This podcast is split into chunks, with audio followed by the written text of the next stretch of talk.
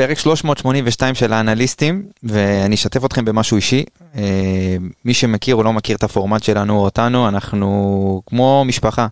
וכמו בכל משפחה טובה, יש לנו דוד כרגע שנמצא בארצות הברית, מקווה שהוא יחזור עם uh, מתנות. Uh, בגלל זה גם אתם שומעים אותי על, המיקרופון היום ופותח את התוכנית.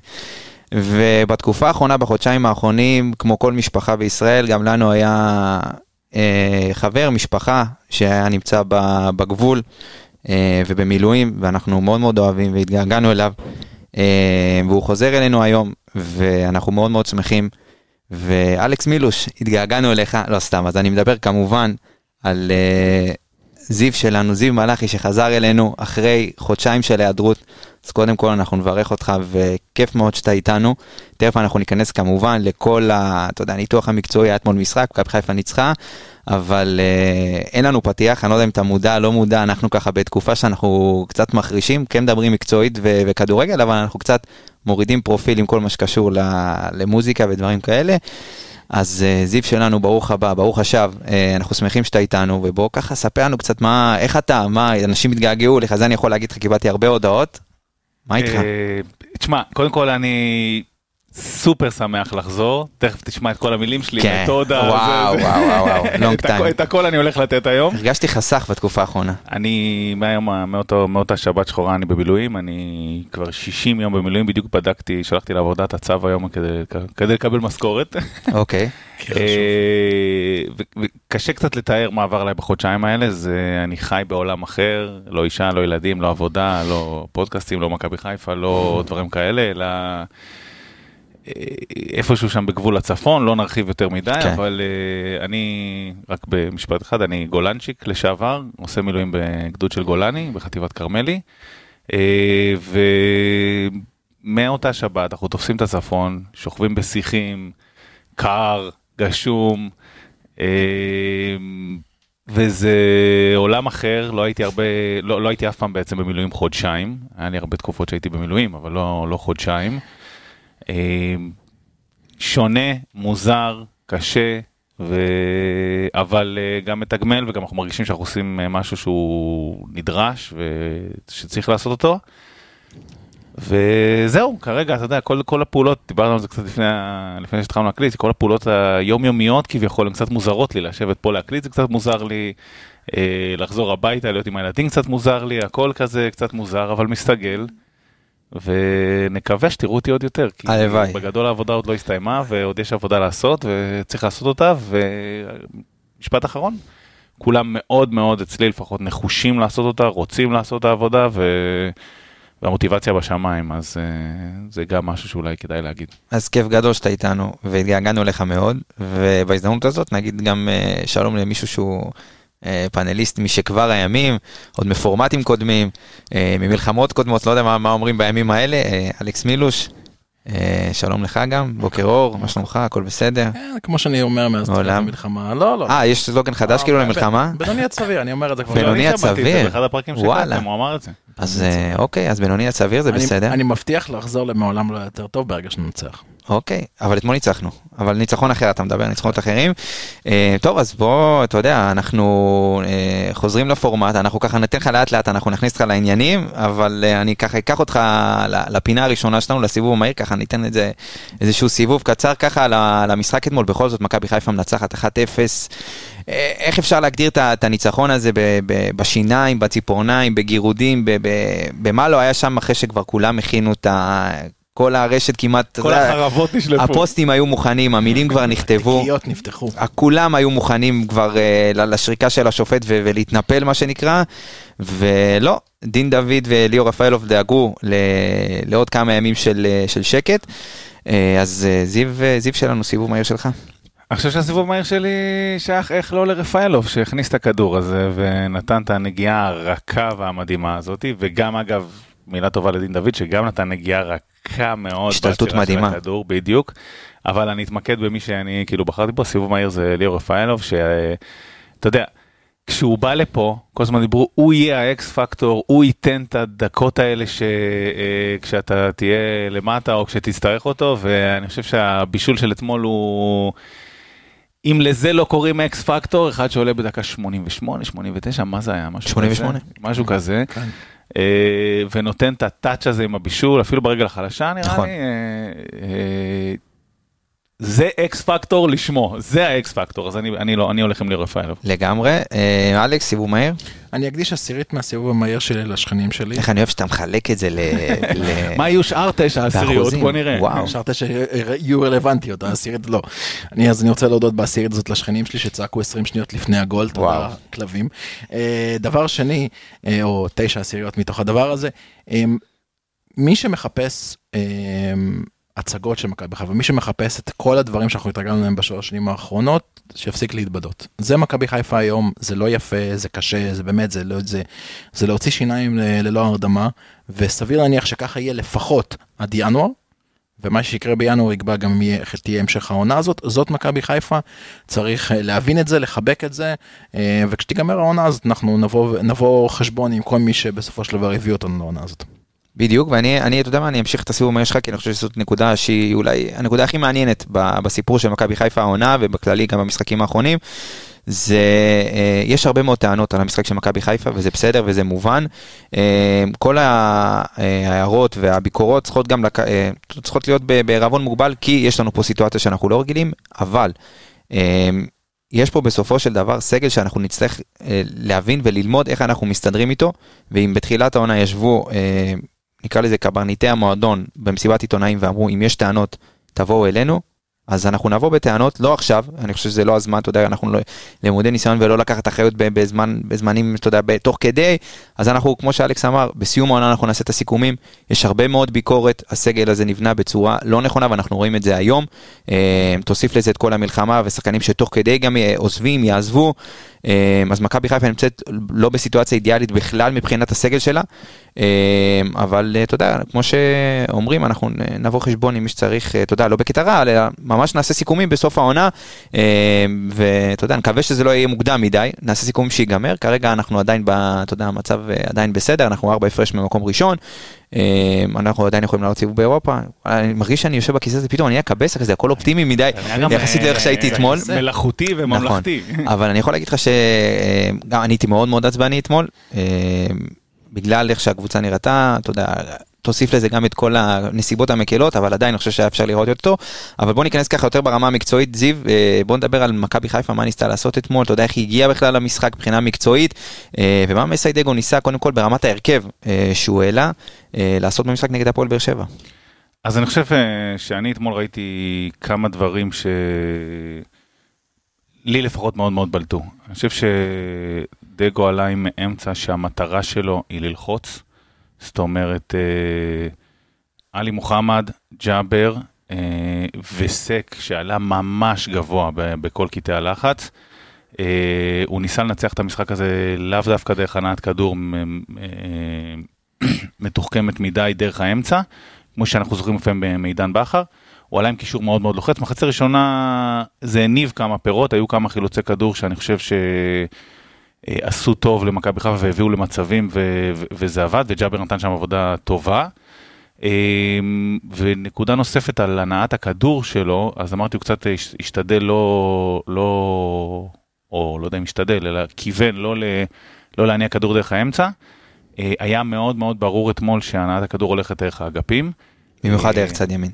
כן, וגם צד ימין וגם, אה, צד ימין זה פשוט לדעתי עבד הרבה יותר כן. טוב, צד שמאל עבד פחות טוב, אבל תנסה להיזכר כמה פעמים ראית חץ של סונגרן אה, לכיוון לחג'אג'. ימין, אה, סליחה, לחג'אג', מימין לשמאל, או סק, אה, סק או סונגרן, וכמה פעמים מצד שמאל שם של קורנו, והנתונים אגב מגבים את זה, חץ לצד שני, זאת אומרת כל פעם שמכבי חיפה הסתבכה, היא לא ניסתה להניע כדור דרך האמצע, אלא לראות איזשהו חץ לצדדים ולהתחיל לנסות לפתח משהו משם.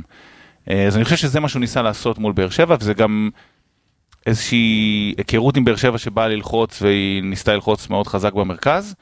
אה, אז אני, אז אני חושב שאלה הדברים הבולטים שראיתי אתמול, ויש עוד כמה דברים שנדבר עליהם תוך כדי. אז אלכס, באמת אה, זיו נגע באמת במה מסיידגו ניסה לעשות, אז בואו ננסה באמת להבין מה היה חסר כדי באמת לתרגם את היתרון כביכול בהחזקת הכדור, ובאמת גם ברמת הכושר הגופני, מה היה חסר באמת למכבי חיפה, כדי לתת את הגול הזה, או לנסות להכריע את המשחק יותר מהר ממה, ש... ממה שבסופו של דבר קרה. קודם כל, קודם כל אני חושב שמבחינת המשחק מאיך שהוא התפתח אני חושב שמכבי חיפה יותר שמחה על זה שהכושר הגופני שלה בעיקר לאור העובדה ששיחקנו כמה משחקים בזמן האחרון ובאר שבע לא שיחקו אני חושב שהייתה מחשבה שבה הכושר ימשיך יותר וה, ומה שקרה לנו נגד ויה ריאל למשל במשחק הראשון שחזרנו אחרי הפגרה הכפויה הזאת אה, ונפלנו שם מהרגליים משהו קיווה שזה יקרה עם באר שבע. באר שבע מהצד השני ידעו שזה כנראה מה שיקרה וניסו ללחוץ אז עשר דקות רבע שעה ראשונה אתה ראית את באר שבע מנסה ללחוץ. ומכבי חיפה בעיקר אמ, בעיקר שיחקה כדורים ארוכים אתה יש סטטיסטיקה מאוד נחמדה שכמות הכדורים הארוכים ב, באמת ברבע שעה האחרונה ברבע שעה הראשונה סליחה הנה הם היו מאוד מאוד מאוד זהים זאת אומרת באר שבע עם 11 כדורים ארוכים בעיקר כדי לדחוף כמה שיותר קלים ומכבי חיפה עם תשעה בעיקר כדי להשתחרר מהלחץ. ככל שהמשחק התפתח אז אתה התחלת כבר לראות יותר את השליטה במגרש, אתה התחלת לראות יותר את המצבים, מה שהיה חסר בגדול זה, זה דיוק וגיוון. כי כמו שזיו אמר, היה לנו מאוד מאוד מאוד מאוד חשוב לתקוף דרך הצד שבו מכבי חיפה ראתה שיש לה יתרון. עכשיו, אני, אני אגיד משהו שאני חושב שכולם יודעים, על מרבית השחקנים בליגה שלנו, לחלילי יש יתרון. יש לו יתרון משמעותי, צד ראשון, צד ראשון פיזיות, שחקן שמשחק על הרגל שלו ובאמת יכול לברוח ימינה חזק לכיוון הקו ואז להרים. אתה רוצה לנצל את היתרון הזה.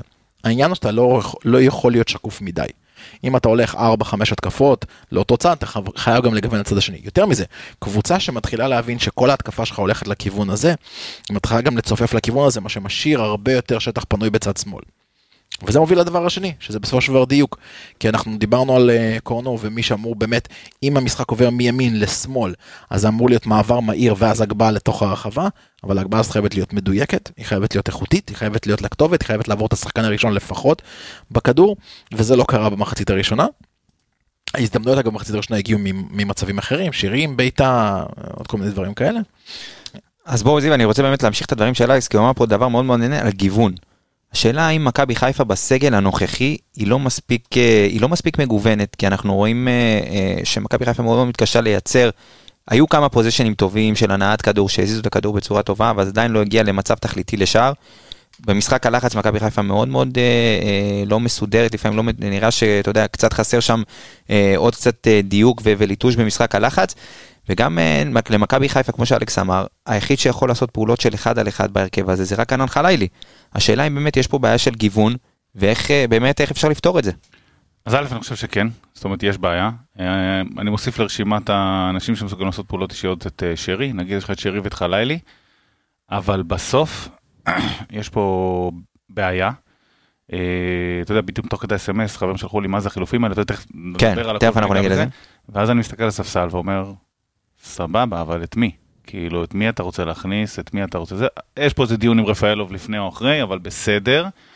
אה, תוסיף לרשימה הזאת את רפאלוב שלא יכול לשחק 90 אה, דקות כל משחק. וזה אגב היה נקודה שמאוד אה, בלטה אתמול. היכולת שלך להניע כדור או לעשות פעולות אישיות הסתכמה בחלילי, אתמול שירי היה ביום די בינוני, אז הסתכמה בחלילי. באגף השני היה את אה, אה, חג'אג'. שאתה יודע, אין לי שום טענות לשחקנים צעירים, והם עושים מה שהם עושים, כי הם uh, בתוך הסיטואציה הזאת, והם לא תמיד יציבים, יום אחד הם ייתנו משחק יותר טוב, יום אחד ייתנו משחק פחות טוב, אבל בסוף uh, זה לא עבד בצד שמאל, uh, חג'אג' ניסה לעשות כל מיני פעולות אישיות ולא הסתדר נכון. כל במגן שלו, חלילי וסונגרן הסתדרו שם נהדר. אתה צודק, בסוף מי שאחראי על יצירת המצבים, בהרכב של אתמול, או בסגל אפילו של אתמול, היו חלילי ושרי, שרי ביום בינוני זה חלילי, זהו. אין לך כל כך הרבה איך לגוון. יהיו עוד משחקים שאפשר יהיה להעלות את uh, רפאלוב טיפה כדי לשלוט יותר באמצע ולתת איזשהו קצב משחק יותר טוב שאתה שולט בכדור. אבל uh, כן, אנחנו קצת בבעיה עם זה, והסגל הנוכחי, אני לא רואה את הפתרונות שם עד שחזיזה יחזור, אני לא יודע כמה זמן זה ייקח. אז זהו, אנחנו מדברים פה באמת על סגל שעבר טלטלה מאוד מאוד גדולה. כן. אחד, מה שאומר, שאתה מדבר על חוסר הגיוון, שרי גם באופן, באופי שאנחנו כבר מכירים אותו כמה וכמה שנים בארץ, הוא נמשך גם בעצמו לימין. זאת אומרת, נכון. מעבר לעובדה שהוא, אה, מעבר לעובדה שיש לך שני כלים שהם יכולים להיות יצירתיים, וזה בימין וכביכול באמצע, שרי באופן טבעי, בסוג השחקן שהוא, נמשך תמיד ימינה. ראינו את זה עם אצילי, ראינו את זה גם השניים חלילי, אז אתה ממש ממש דוחף הכל לכיוון אחד. אוקיי, מעולה, בסדר גמור. אז אני חושב שיש לנו עוד כמה נתונים לפני שאנחנו מתחילים ככה להיכנס אה, קצת יותר, אתה יודע, להרחיב על אה, מספרים של אה, הנעת כדור, דברים כאלה, או שאנחנו יכולים לעבור לרצועות, דיברנו קודם על הנעת כדור, רצית לגבות קצת נתונים או ש... לא, רוצה לעשות את זה בנתונים האישיים ברצועות, אבל אה, קצת על אה, הנעת כדור, אה, אולי אלכס אתה מול הדוח, אתה רוצה רגע לראות או שאני אסתכל? לא, אני אגיד לך מה, כי ראינו גם בחצי הראשון, והייתה שליטה שהיא די אבסולוטית, זאת כן, אומרת, אני מסתכל- אה, אני אז מסתכל בוא פה. נסתכל רגע על הנתונים, אנחנו אה, מבחינת החזקת כדור 59-60 אחוז נגיד מול 40, 55-45 כן. אה, כן, XG לנו 2.62 מול 0.38 של אה, הפועל באר שבע, זה גם מעיד על זה שהגענו להרבה יותר מצבים. מצב אחד, בעצם הטעות של סק לבעיטה של מי זה היה בתוך הרחבה, לא זוכר, מישהו שבעט לגוף של אה, כיוף. וואי, לא זוכר, לדעתי זה ספר אולי, אבל אני לא סגור על זה, בעיבוד כדור ה... ואז היה את ההשתלטות הלא טובה של חתואל שם ברחבה. נכון. אבל זה לא, לא, אה, זה יצא לבעיטה, נכון, אבל, אה, אבל כן, המצב שלהם של, אה, אתה- כשאתה מתייחס למצב אחד, אני לרגע חשבתי שאתה מדבר עלינו, לא, אתה מדבר לא. על הפועל באר שבע, כן. מצב אחד שכן, הוא בעט שם על הגוף של... של כיוף. אוקיי, מעולה, אז אם כבר נגענו בכיוף, אז בואו באמת נעבור. אה, נתחיל אה, לעבור לרצועות, אני חושב שכיוף, אה, אין יותר מדי, מה, אתה יודע, הפועל באר שבע כן הגיעו למספר מצבים לא מספיק מדויקים, ראינו את החלודה, שהיא ככה על קבוצה שבאמת לא שיחקה חודשיים, היו כמה הזדמנויות בסוף שהן כבר קשורות ל...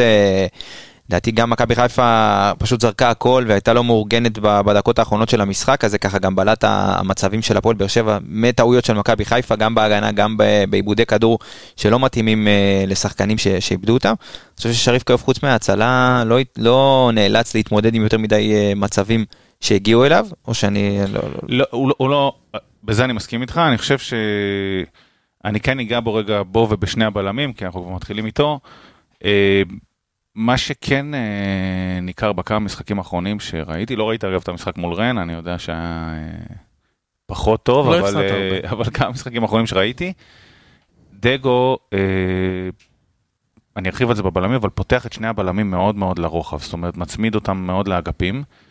אה, ומה שזה מייצר, זה מייצר את העובדה שהוא מסתמך על אה, אה, שריף כיוף אה, בהנעת הכדור, כי הבלמים הרבה פעמים יוצא שהם רחוקים אחד מהשני, ואז החוליה המקשרת שלהם בלי לקחת סיכון, היא שריף כיוף כאילו בתור מסירה, ואז העברת צד, לפעמים זה ישיר ביניהם, לפעמים זה דרך שריף כיוף, וכן אה, אפשר לראות שלא בהצלות, אבל משחק הרגל שלו, לפחות בפסים הקצרים, פסים חצי ארוכים, זאת אומרת בינוניים, אה, ואפילו כדורים ארוכים, אה, אני אישית רואה מגמת שיפור, נכון. וזה אולי גם אלמנט של ביטחון, רוצה אולי גם. אלמנט של, של ביטחון ושל, אתה יודע, זמן עם הקבוצה, אבל הוא משמש כעמוד תווך בהנעת הכדור מאחורה, גם תחת לחץ, זה עובד, הוא מסתדר עם זה, הוא יודע לשחק עם שני הבלמים וגם לראות חצים ארוכים, זה משתפר, זה גמת אה, שיפור טובה. כן, אז, אז אני באמת רוצה לחזק את הדברים שזיו אמר.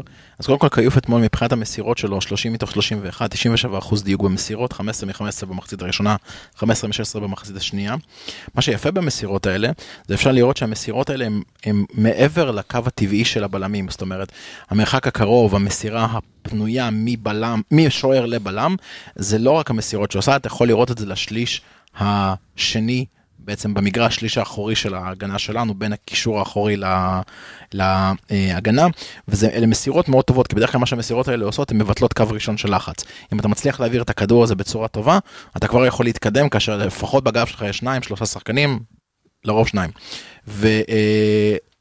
ושוב כמו שאמרתי גם בתוכנית שפעם אחרונה שהייתי בה שוער צעיר אנחנו עדיין נאכל קצת אה, דברים משוער צעירים כי אם שוערים צעירים עושים טעויות גם שוערים מבוגרים עושים טעויות כן. אבל אבל יש מגמת שיפור מאוד מאוד טובה ואני מביא אתה יודע אני, אני לא, לא ניכנס לזה כרגע לדיון אבל מביא את השאלה למה בסופו של דבר העונה הזאת לא נפתחה עם כיוף כמו שכולנו ציפינו שזה יקרה. אז אני אשאל, בוא נעבור רגע גם לבלמים ונמשיך על הנעת כדור, ולדעתי היה חסר אלמנט מאוד מאוד מרכזי בהנעת כדור, כי הנעת כדור בין סק לשימיץ ראינו, קודם כל מרחקים מאוד מאוד גדולים בהנעת כדור אני חושב שזה ביניהם. מכוון, אני ו- אסביר על זה. אבל כן היה חסר לי מישהו שיבוא אולי לפעמים לאסוף את הכדור, כי את עלי לחצו בצורה מאוד מאוד טובה, אה, באר שבע התמקדו בעלי מוחמד. אני חושב שפה אולי החיסרון של שואו כן היה מתאים אולי למשחק הזה, כי שואו, בוא נגיד מהקשרים שיש שם למכבי חיפה בסגל, לדעתי שואו מה- מה- מה- המניע כדור ודוחף בא לקבל ומוציא ישר כדור. בדיוק, וגם החצים, כמו שדיברנו מקודם, אני חושב שהוא בין המובילים אה, והבולטים בקבוצה באלמנט הזה, וזה כן היה חסר מאוד מאוד למכבי חיפה. תוסיף לזה שהבלמים שלנו אתמול לא מרוכזים בכלל, בהרבה מאוד, גם במאבקים. אה, שימיץ בהתחלה, אתה יודע, לא הסתדר כל כך אה, גם עם אילון אלמוג. וגם בסוף, אתה יודע, סק שראינו אותו באיזושהי ירידה, מה באמת, ככה סכם לי את המשחק של הבלמים בכמה משפטים זיו. אני רגע אגע בנקודה שהם פרוסים לרוחב, ואני, זה לא פעם ראשונה שאני רואה את זה במבנה הזה שדגו מייצר, ואני חושב שהוא הרבה פעמים מאוד מקובל לחשוב על זה שהבלמים הם איזשהו זוג או צמד כזה שמניע כדור ביחד, אני חושב שפה דגו עושה משהו אחר, הוא מצמיד בלם למגן. אה, סק מאוד צמוד לסונגרן, ואגב, שני המגנים גם לא עולים בהתחלה הרבה כמו שהיינו רגילים בעידן בכר. וכל זה זה ניסיון לייצר איזשהו אה, משולש באגפים שהוא בלם, מגן, נגיד בצד ימין, אה, סק, סונדגרן וחלילי, אה, ובצד שמאל או, או שרי, כאילו תלוי בחלק של המגרש, תכף אנחנו ניגע בזה, ובצד שמאל את אה, שימיץ' או שון גולדברג לצורך העניין אה, עם קורנו וג'אבר שהגיע לשם, אה, או אילי חג'אג'. והמשולש הזה יש לו שתי מטרות, ועוד פעם אני אומר, גם מגנים בהתחלה לא כל כך עולים כמו שהיינו רגילים. אה, יש לזה שתי מטרות. אחת, התקפית ליצור, לנסות לייצר איזושהי תנועה באגף, איזשהו משולש שדרכו משחררים את הכדור. זה בצד ימין עבד נהדר, בצד שמאל עוד דורש תיאום אה, חזק בין אה, קורנו לחג'אג', נרחיב על זה רגע ב- כשניגע בהם. ואני חושב שהדבר היותר חשוב, הוא שזה ניסיון אה, גם לייצר איזשהו מבנה רסט דיפנס כזה, שאני תכף אסביר, זה ניסיון לייצר איזשהו מצב של לחץ כשאתה מאבד את הכדור. אז אתה יורה לשם את הכדור, ואז יש לך שם שלושה שחקנים אה, שגם מנסים לעשות משהו התקפית, וגם כשהם מאבדים את הכדור, הם לוחצים מאוד חזק באותו אזור. אה, כשדגו בונה על זה שא', שני הבלמים שלו, בדרך כלל סק, אה, גולדברג, מאוד אתלטים, ואם צריך לסגור לאמצע, הם, הם, הם יסגרו לאמצע, ואלי מוחמד במקומות האלה פתאום נכנס טיפה יותר אחורה ולאמצע, לספק איזשהו חיפוי במקרה של איבוד כדור ו- וכניסה של הקבוצה היריבה לאמצע. אה, אז, אז זה קצת מבנה שאנחנו לא רגילים לראות אותו הרבה, הבלמים מאוד מאוד רחבים הרבה פעמים, וזה נראה כאילו באמצע יש איזשהו בור גדול, אבל אה, תכלס פיזית זה, לא, זה עדיין לא ייצר מצבים אה, אה, נגדנו. כן, יש, יש, הבעיה עם, ה, עם המערך, אתה אמרת את הדברים החיוביים של הדבר נכון. הזה. הדברים השליליים של המערך הזה, שכשהמגינים שלך יורדים מאוד מאוד נמוך, אתה, אתה צריך בסופו של דבר לעשות, אמ, אתה צריך לעשות בסופו של דבר ת, תרגיל שמביא שחקן מהקישור האחורי. לקרוב למגן, כי כמות המסירות שיש לך ממגן שנמצא מאוד מאוד נמוך, תחשבו על נגיד 10 מטר שמאלה מקו השער, אין לך הרבה מה לעשות, יש לך מגרש שמגביל אותך מצד שמאל, יש לך מאחורה את המגרש שמגביל אותך, מסירות ימינה קל מאוד לחטוף אותם, זה בעצם מסירות בעלות סיכון גבוה, הדבר היחיד שאתה יכול לעשות זה מסירות לאורך הקו. אם אתה עושה מסירות לאורך הקו, קל מאוד לסגור את השחקן שמשחק איתך, מספיק שאתה נצמד לו לגב. ויש תרגילים שלמים שעושים בשביל להשתחרר מהדברים האלה. הדבר הטוב ביותר זה שאתה מצליח להשתחרר מהדברים האלה, אתה תמיד נמצא ביתרון מספרי בהתקפה. אז- הדבר השלילי כן. שלך זה שאתה לצורך המקרה אה, צריך לתרגל את זה עוד ועוד ועוד ועוד. כמו שאמרת, מכבי חיפה לא ידועה ב- ב- בסגנון המערך הזה או בסגנון התרגילים האלה, ולכן זה עדיין לא מספיק מחודד. אני רוצה אבל אה, להרחיב את הדיון, אתה יודע אם. דיברנו על אה, גם, ונרחיב את זה על הדרך לעוד איזשהו דיון מעניין בעיניי, לכל הנושא שקשור ל- למצבת הבלמים שלנו ממש בתקופה הקרובה, כי שימיץ אנחנו רואים שעוד... בכל חוליה, אגב, אתה תדבר על חוסרים במצבה, בדיוק, אבל אבל בסדר. אנחנו מדברים על, אה, על באמת על תקופה שהולכת להיות מאוד מאוד בעייתית למכבי חיפה, כי אנחנו רואים את שימיץ שעדיין לא מתחבר, שון גולדברג פצוע, וסק כמה. זמן שון לא יהיה? אז זהו, זה לא- גם לא לא, בדיוק. כרגיל אנחנו מכבי חיפה, אנחנו עדיין לא מקבלים דיווחים על שחקנים שהם פצועים. חשבתי שזה רק אני בערפל לא, הקרב, לא, כולנו, כולנו מחכים. עדיין לדיווחים, אבל אה, סק הולך לעזוב בתקופה הקרובה לאליפות אפריקה. שימיץ ושון גולדברג, אנחנו לא יודעים כרגע מה מצבו של שון, אבל שימיץ אנחנו רואים שזה עדיין לא התחבר. גם אם שוי יחזור, גם הוא עוזר לאליפות אפריקה. בדיוק, ואנחנו לפני תקופה שהיא די לחוצה, השאלה איך אנחנו ככה מסדרים את השורות, מי, מי אמור לבוא, מה עושים אותו חלון ינואר, אלכס מה... קודם כל אני חושב שבסופו של דבר אה, אה, במצב הרגיל עם שון כשיר שימיץ' הוא יהיה הבלם השלישי זאת אומרת כנראה שמה שינסו לעשות זה לעשות שוק של אה, גרשון גולדברג זה מה שכנראה הולך להיות. לא, לא, לא, לא, לא, לא פחות מפחיד מאשר סימיץ'. שיהיה לנו בכיף, מה שנקרא. שיהיה בהצלחה. כן, לא פחות מפחיד מסימיץ', גולדברג או סימיץ' גרשון בכלל, אבל, אבל כן, זאת, זאת הסיטואציה. עכשיו, מבחינת הנושא של... אמ, מבחינת הנושא של ציוותים בהגנה, זה ברור לכולם, אני חושב שבינואר חייב להגיע לפה בלם. אני אעז ויגיד, לפי דעתי, וזה עניין של החלטות אמיצות, וזה עניין שכשיש לך את הפריבילגיה הזאת של קבוצה גדולה, בעלת תקציב, בעלת יכולות, גם צריך גם כנראה לחתוך בדברים שבהם אתה לצערי ניסית, הימרת ולא הצלחת. ואנחנו רואים שסימיץ' הוא לא fit הוא לא fit למכבי חיפה, הרבה מאוד דברים במשחק שלו שהם טובים, פשוט לא מתאימים לליגה הזאת. אה, ו... והדברים השליליים שבמשחק שלו מאוד מאוד מאוד אה, הופכים אותנו למאוד מאוד אה, אה, חשופים מאחורה. מכבי חיפה כנראה תצטרך להביא אה, שניים. אז, אז אני חושב ש... אוקיי, רכש נגיד, אתה אומר סבבה, אבל אה, אני רוצה דרך הנתונים של סק להגיע לאיזה פרופיל אתה צריך להביא. אה, לאיזה פרופיל אתה צריך להביא. כי החלוקה אתמול, ואגב לאור כל העונה, וגם בעונה הקודמת, בין הבלמים הייתה ברורה. אה, מעבר לחיפוי האווירי שמספק סק כן. וכאילו קוטל כל מה שאפשר אה, אה, אה, לעבור שם. סק מבין שני הבלמים הוא אחראי על הנעת הכדור קדימה. ודיברנו על זה שנגיד אם הוא חסר אז גם שואו חסר, אנחנו נשארים עם אותו דבר שאמרתי בהתחלה, עם קישור שיש לו בעיה להניע... אה, חוזרים לימי דו סנטוס את גרשו שמתמסרים אחד עם השני לא, אז, אז, ללא רגע, תכלית. אז רגע, הפוך, אני, אני אומר, אה, תראה את הנתונים של סק אתמול, אוקיי? מבחינת פעולות על המגרש 94 זה מקום שלישי בקבוצה, אה, מסירות 67 זה גם מקום שלישי בקבוצה, אז עד פה זה כאילו יחסית סטנדרטית. האחוזים של הפעולות שלו. אני בדידוק מגיע אה, לשם. אוקיי, סליחה, זה- אנחנו צריכים להסתנכרן. כן. אוקיי. זה עוד, אתה יודע, אנחנו עוד לא מתואמים, ההגנה עוד לא מתואמת. 85 אחוזי הצלחה במסירות. דיברנו על זה כמה פעמים שזה נמוך לבלם, אה, אבל מה שקרה אתמול, מה- מה- ממה שאמרתי שלא היה קישור שמניע, אז היה אחד ניסיון של מתודה יפה מאוד. לצדדים, ושתיים, התגעגענו. סק הניע מאוד מאוד את הכדור בכדורים ארוכים קדימה, ודילג על הקישור בהרבה מקרים. ועכשיו אתה מדבר על אחוזי הצלחה, אז שים לב לנתונים הבאים. קודם כל, מסירות אה, קדימה, סק מקום שני בקבוצה עם 27 מסירות קדימה. אה, אה, זה כמעט כמו המסירות הרוחביות שהוא עשה, הוא עשה 29 מסירות רוחביות, שזה, הוא מסר קדימה כמעט כמו שהוא מסר לרוחב, זה לא כל כך אופייני לבלם למי שתוהה. רק אני אני אעצור אותך שנייה, תן לנו טיפה, תזוז טיפה ימינה כדי שנוכל גם את אלכס, אה, זה בדיוק, להכניס לתמונה. שתוכלו בדיוק. עכשיו אתה יכול להמשיך. וכדורים ארוכים, הוא שלח 13, זה מקום ראשון בקבוצה, השני אחריו זה עם 7, זאת אומרת, הוא כמעט פי 2 כדורים אחורים, אה, סליחה, ארוכים. ארוכים. אה, עם, עם 46% הצלחה זה יחסית אה, לא כזה אה, רע, ואורך מסירה ממוצע 24 אה, מטר. להשוואה, אה, סימיץ' עם 19 מטר אה, מסירות. אה, אה, אה, אורך מסירה ממוצע וארבע כדורים ארוכים. מה אני רוצה לומר בכל הסיפור הזה?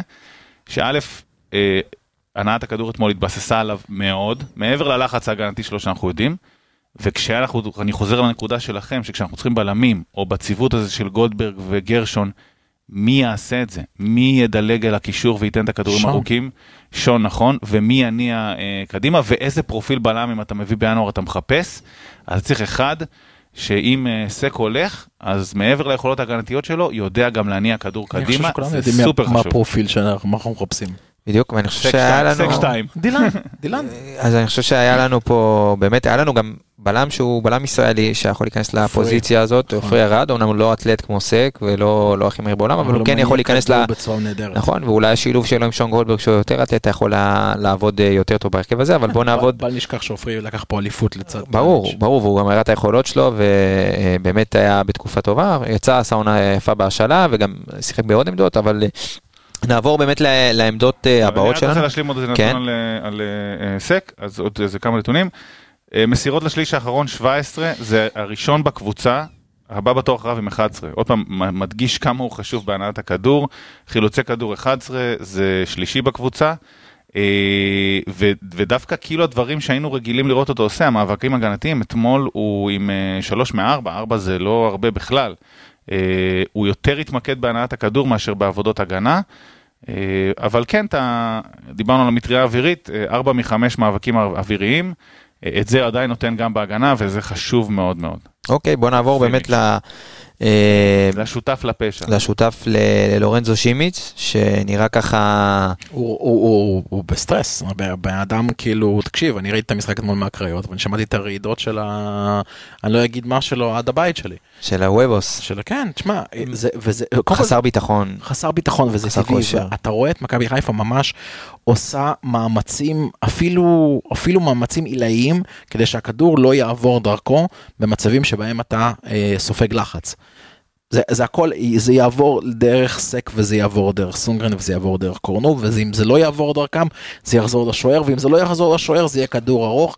זה יהיה את כל האפשרויות, כאשר האפשרות האחרונה זה לתת לסימיץ' להיות חלק ב, בתוך הנעת כדור בהגנה. באר שבע לא השכילה להבין את זה מספיק מהר אתמול במשחק. לא לחצה עליו מספיק. היא לא לחצה עליו מספיק. כי קבוצה או תלחץ עליו ברגע שהוא עם הכדור, זאת אומרת, אתה יודע, אנחנו מכירים אה, דבר שנקרא בעצם טריגר לחץ. טריגר לחץ זה אה, השתלטות לא טובה של הכדור, של השחקן, השחקן עם הגב, השחקן נמצא באזורים מסוימים במגרש, וזה טריגר ללחוץ עליו. הטריגר לחץ של סימיץ' זה הוא עם הכדור. לא משנה איפה, זה לא משנה איך, זה לא משנה אם הפנים קדימה אחורה, זה הטריגר. עכשיו, קבוצות אחרות גם, אתה יודע מה הם יעשו? הם ילחצו יותר על סק, הם כאילו יכפו על מכבי חיפה כן. להוביל את הכדור דרך סימיץ', מה שיכול לייצר את הבעיות. וזאת בעיה. עכשיו, יש פה, יש פה שני פתרונות, או שאתם איכשהו עובדים על להחזיר לו את הביטחון, איכשהו. לצורך המקרה, אה, לוקחים משחקים אולי פחות רלוונטיים במרכאות, כמו המשחק נגד ויה ריאל, פחות, אני אומר את זה בכוונה פחות במרכאות, כדי לנסות להניע את הכדור ולבנות את הביטחון הזה, או שפשוט לא.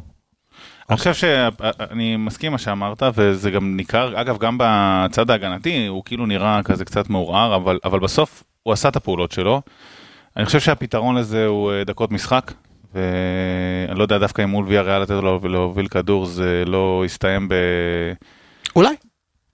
או בניית ביטחון או... או הרס ביטחון טוטאלי, כן. או הרס הקצת שיש. אה, אבל כן, אני מסכים איתך, קבוצות שיהיו חכמות ינסו להוליך אותנו להוביל את הכדור דרכו. אתמול לצורך העניין הוא עם 63 אה, אה, מסירות, שמתוכם 44 לרוחב. זאת אומרת, מעל שתי שליש מהמסירות שלו, שזה לרוחב.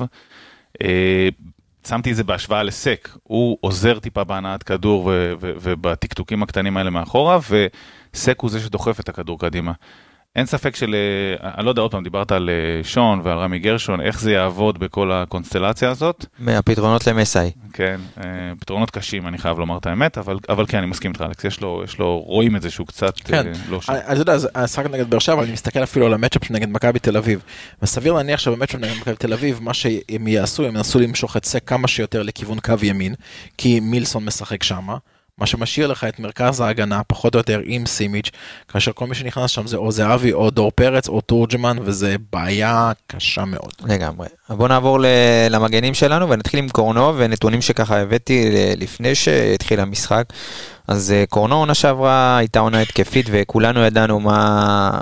מה, מה הערך המוסף שלו, של, של קורנו, וזה החלק ההתקפי, שהוא באמת יכול אה, עוד אלמנט של יצירת מצבים, ודיברנו על הרכב שהוא, לפחות עכשיו, פחות מגוון אה, מבחינת יצירת המצבים, והרבה יותר קשה לייצר מצבים בחלק הקדמי, כי אין מספיק שחקנים אה, יצירתיים בהרכב הזה. אז קורנו, אני חושב שבהרכב הזה, לפחות בסגל הזה העונה, הציפייה ממני, לפחות שלי ממנו, זה לפחות לשמר את מה שהוא עשה העונה שעבר מבחינת התרומה לחלק ההתקפי, וניגע ככה בהבדלים במשחק שלו, בנתונים, אז ברמת הקרוסים למשחק, העונה עומד על 5.3 אה, אה, קרוסים, 5.3 קרוסים למשחק, באחוז דיוק של 27 אחוז. יחסית למגן בליגה זה לא כזה נמוך, שוב אנחנו מדברים על הליגה הישראלית, אבל שימו לב בעונה שעברה, הוא עמד על 4.4 אה, קרוסים למשחק, ב-44 אחוז. אז יש פה ירידה מאוד מאוד תלולה אה, באחוזים שלו. קח את המשחק של אתמול, 1 מ-5, 20 אחוז בקרוסים מוצלחים. בדיוק, ונוסיף לזה עוד אלמנט של מסירות מאחורי קו הגנה, בעצם מסירות שהולכות ממש בין ההגנה לשוער נקרא לזה ככה, ומסדרות מצב מאוד מאוד אה, טוב לשער. אז העונה הוא עם אה, חצי מסירה כזאת למשחק, ב-10 אחוז אה, דיוק, ובעונה שעברה הוא עם 0.75 מסירות כאלה למשחק, באחוז דיוק של 33. 33 אחוזי דיוק, אז ירידה תלולה מאוד גם באחוזים של אה, קורנו ברמה ההתקפית, ואני רוצה שבאמת תנסו להסביר לי מה, ממה זה נובע באמת הפער הזה בין העונה הזאת לעונה שעברה. קודם כל השינוי, השינוי הדחוף, הדחוף שיש לו באגף שמאל הוא שינוי מאוד מאוד משמעותי, קורנו התרגל לשחק שם עם חזיזה. לצורך המקרה. השנה יש לך אה, כמות השחקנים שהחליפו את אגף שמאל אה, מחזיזה ממש במשחקים הראשונים עד שהוא נפצע. שיבלי, לחג'אג', לדין דוד, לפעמים ניסיון... שורנוב. שורנוב, לפעמים ניסיונות עם דיה סבא, לפעמים ניסיונות עם פוטגרנו. אמ, אתה מאוד מאוד קשה לתרגל את הדברים, הרי המסירות שדיברת עליהן, המסירות המקדמות האלה מעבר לקו ההגנה, דורשות תיאום, דורשות הבנה של השחקן שיוצא קדימה, אתה צריך למסור מאחורה, יש, יש הבנה, אפילו אפשר להגיד סוג של הבנה עיוורת בין שחקנים בשביל לגרום לזה לקרות ולהפוך את זה להיות טוב. קשה מאוד לעשות את זה כשכל פעם מחליפים לך את השחקן שאיתך. אמ, ואגב, בנוסף, כל השחקנים שדיברת עליהם, אולי לא כולם חוץ מחזיזה, שורנוב, שיבלי, אה, חג'אג', כולם מאוד מאוד צעירים, מאוד מאוד אה, גם לא מנוסים באינטנסיביות הזאת של, אה, וכולם של רגל בוגרים. וכולם רגל ימין. ודווקא זה לפעמים עוזר לו. לפעמים. כי, לפעמים, נכון, אבל, אבל לא תמיד, כי גם קורנו ראינו אותו הרבה פעמים גם נכנס ב half space הזה בין מגן לבלם ונותן לשחקן כנף את הכנף. תראה, הוא נשאר פעיל. יש לו 106 פעולות אתמול, זה הראשון בקבוצה בפער. 77 מסירות, 31 מהם קדימה, זה הראשון בקבוצה, עם 87 אחוזי הצלחה. אז הוא כאילו כן שם, וכן עושה את העבודה הזאת אה, במעורבות במשחק, והמשחק כן הולך אליו. כדורים ארוכים 6 מ-7, שזה 86 אחוזי הצלחה. ו- וכל זה כאילו בהנעת כדור מאחורה הזאת, אבל כמו שאתה אמרת עמיגה ואלכס הרחיב, אחד מחמש בקרוסים, ככה אנחנו מסתכלים רגע על, על הצד ההתקפי, אחד מחמש בקרוסים זה 20 אחוזי הצלחה, אחד משלוש בדריבלים זה 33 אחוזי הצלחה, אה, ושם, בשליש האחרון הוא קצת אה, אה, חסר, כי אין לו את התיאום הזה. הגנתית נתון אחרון, 13 חילוצי כדור, זה השני בקבוצה. אחרי? אחרי סונגרן. התואם שלו מהצד ההפוך. יפה. בדיוק. אה, אז הוא כן שם ברמת ההנעת כדור וכן שם ברמת ההגנה. בצד ההתקפי זה עוד לא עובד. זה בטח כשמשווים את זה לצד השני של סונגרן וחלילי שניגע בו, זה אופרה אחרת מה שנקרא. אז בואו באמת אלכס נדבר על השותף שלו מהצד השני, על אה, דניאל סונגרן. כן. שוב, דניאל סונגרן באמת גם מאז החזרה והמשחקים האחרונים הוא עושה את מה שהוא עושה. ה ticket של דניאל סונגרן אף פעם לא היה ticket ההתקפי, זה תמיד היה ticket הגנתי. אני חושב שברגע שנגמר הניסוי הזה של להפוך אותו להיות בלם שלישי ולהחזיר אותו להיות מגן, אז זה תמיד חיובי, זה איזשהו stop הגנתי שאתה יודע שאתה יכול לסמוך עליו, ולא משנה מי תשים שם, אם שחקן יותר פיזי ממנו, שחקן יותר מהיר ממנו, הוא עדיין יודע לעבוד. לא סתם סונגרן לפני שהוא הגיע למכבי חיפה, הוא היה, אני חושב שהוא היה אחד משחקני הגנה המובילים ביוון, והמגן כן. השני לפי דעתי ביכולות ההגנתיות שלו בליגה היוונית. שהיא יותר טובה משלנו. היה אחד הבולטים שם חד משמעית ללא כן. צ'ס. וידענו מה אנחנו מקבלים. אה, קצת אה, קצת חזר קצת ככה התערער הביטחון בסונגרן בגלל כל הניסויים יש לבלם השלישי ובגלל כל מיני דברים כאלה גם חזרה מפציעה שנה שעברה. נכון. אבל עכשיו זה כבר נמצא במקום הרבה יותר טוב. אה, אני חושב שהצמד הזה אוקיי? חלילי וסונגרן עוד לומדים לעבוד ביחד. עוד לומדים לעבוד ביחד, ואתה רואה כל משחק קצת שיפור. אתה רואה קצת יותר הבנה, אתה רואה קצת יותר תנועה, אתה רואה אה, תנועה של אה, חלילי שמקבל כדור עם הגב, סונגרן מתחיל לחתוך, כדור, חלילי עושה תנועה, ממשיכים. עוד משחק, עוד שני משחקים, עוד שלושה משחקים, השיפור ביניהם יהיה מצוין. אני למשל חייב להגיד שאם יש משהו אחד, אחד שאני רגוע בו במכבי חיפה, זה צד ימין שלנו, השילוב הזה של סונגרן חלילי, זה טוב, זה עובד. תזיז את זה. היא לא, היא משחקת, המצלמה היא לא, היא בורחת מאלכס. ממש, אה? היא עושה לו ויברח. שמע, היא יודעת שלא הייתי פה חודשיים, היא באה אליי כל הזמן. אני אלך. אתה מבין? כן, אז אה, בוא. אני כן, אגיד לך רק משפט אחד, אז אני מסכים כל מה שאלכס אמר, הוא יציב, הוא עושה עבודת הגנה טובה. אה, והשילוב בינו לבין חלילי באגף נראה ממש ממש משתפר. ואני מרחיב את הנקודה של אלכס לגבי השותפים שלך בכל אגף. אז השותפים של סונדגרן באגף הזה הם חלילי ושרי, והשותפים של קורנו באגף, בצד שלו היו אתמול ג'אבר וחג'אג'. מבלי לזלזל בג'אבר וחג'אג', זאת לא אותה איכות של חלילי ושרי, נכון. והרבה יותר קל לך לבוא לידי ביטוי. הרבה פעמים, לצורך הדוגמה, השניים האלה, חלילי ושרי, יאבדו פחות כדורים, אתה תצטרך לעבוד טיפה פחות קשה בלחץ הזה שאתה עיבוד כדור, יהיה לך יותר קל לעשות את הדאבלים עם חלילי ושרי, מאשר אה, לעשות אותם עם חג'אג' וג'אבר באותו גם, צד, ושוב, ג'אבר מביא איתו תכונות אחרות שהן מאוד טובות לאמצע, אבל... העונה גם פחות, אבל חייב לציין, לא, אה, פחות... שניהם אתמול היה לא רע בכלל, אבל גם ה recovery שלהם הוא הרבה יותר מהיר, כלומר גם אם לצורך המקרה קורה לך כן. איבוד בצד ימין, שלושת השחקנים האלה, גם שרי, גם חלילי, גם סונגרן, יודעים מאוד מהר להשתלט על הכדור, יודעים לעמוד אה, טוב ב rest defense בשביל להשתלט על הכדור שמגיע אחרי זה, אה, ובצד השני זה פחות. למרות שקורנו אני חייב להגיד מבחינת הנתונים ההגנתיים שלו, כמו שציינת, זה המשחק לא רע אתמול מבחינה הגנתית. אוקיי, בוא נעבור אה, באמת לחלק, אה, לחוליה יותר אה, קדמית, נעבור לחוליית הקישור שלנו, ונתחיל מעלי מוחמד, שאתה יודע, עכשיו הוא יצטרך גם לקחת על עצמו קישור, אנחנו גם, את הסטטוס שלו אנחנו לא כל כך יודעים עדיין, והרגשנו, גם נגענו מזה מקודם בהנעת כדור, שגם אתמול עלי מוחמד היה ממש, ברדה לקח אותו כפרויקט, ממש. והצמיד עליו אה, דאבל אפ לפעמים, ואלי ממש היה מנוטרל ברוב אה, שלבי המשחק מבחינת הנעת הכדור. אה, כשגם ג'אבר אנחנו יודעים שזה לא הפורטה שלו, הנעת כדור, אלא יותר ההצטרפות ואתה יודע, היציאה מהמקום, באמת ההצטרפות קדימה כמו שאמרתי. אבל בוא ניגע ככה קצת בעלי מוחמד וג'אבר כחוליה, כמקשה אחת, מה, מה פחות עבד שם בהנעת כדור, ואיזה דברים כן עבדו דווקא מבחינת הצמד הזה אתמול. תראה, אה, סליחה, עכשיו, טוב. אה, אובר פרגון יש פה. ממש. כן, אנחנו בתקופה כזאת שכולם רק ניתן סמכנים. גול אחי. כן. נתנו בסוף. אה, אני חושב שאלי היה במשחק יחסית אה, יציב וסולידי, כמו שאמרת, ברדה ניסה למנוע ממנו את הכדור, היה הרבה פעמים מצבים שסביבו יש איזה חמישה שחקנים, וברדה מנסה ללחוץ כזה דרך האמצע. עדיין הוא עם אה, 61 מסירות עם 90 אחוזי הצלחה, שזה לא רע בכלל. אה, 18 מהם קדימה, שזה רביעי בקבוצה, זה גם בסדר גמור. אה, אני חושב שהוא לא נדרש לאתגרים מורכבים מדי הגנתית, והוא כן היה שם כשהוא אה, יכל. אבל בבירור זה היה ניכר שחסר לו רגע איזה שותף שם אה, שיעזור לו להניע כדור. ג'אבר הוא מטייפ אחר, הוא, הוא, הוא, הוא סגנון של טיפה יותר לעשות את הכניסות האלה קדימה ולאו דווקא לעזור בהנעת כדור, ובזה הוא התקשה, וזה, אמרתי, הרבה פעמים הקישור דילג, אה, ההגנה דילגה עליו. או סק נותן איזה כדור ארוך. אה, אפילו חלילי ראינו כמה פעמים כן, שיותר. או השוערים נותנים אה, כדורים ארוכים אה, לצדדים, שוערים, יש לנו. ברבים אחי. כן. השוער נותן כדורים ארוכים לצדדים. המשחק די דילג עליו בהתחלה והוא היה צריך להיות שם.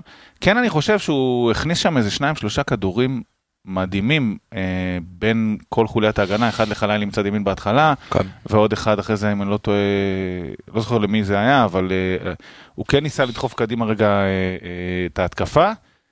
הוא היה משחק מאוד מאוד סולידי והמשחק לא עבר דרכו, אז uh, אני חושב שהוא סך הכל היה בסדר גמור. כשאתה כשאתה נמצא קרוב לשליש, ה, לשליש המגרש האחורי של היריבה, קשה מאוד ליריבה ללחוץ עליך בצורה כזאת שבו אתה מניע את הכדור באמצע. באזור, מאזור הדקה 22-23 ככה שמכבי חיפה השתלטה על המשחק בצורה מאוד מאוד מסיבית עד סיום המחצית הראשונה. קשה מאוד ללחוץ, גם אם אתה מתמקד על שחקן, קשה מאוד ללחוץ שכולך נצ... יודע, נצמד ל...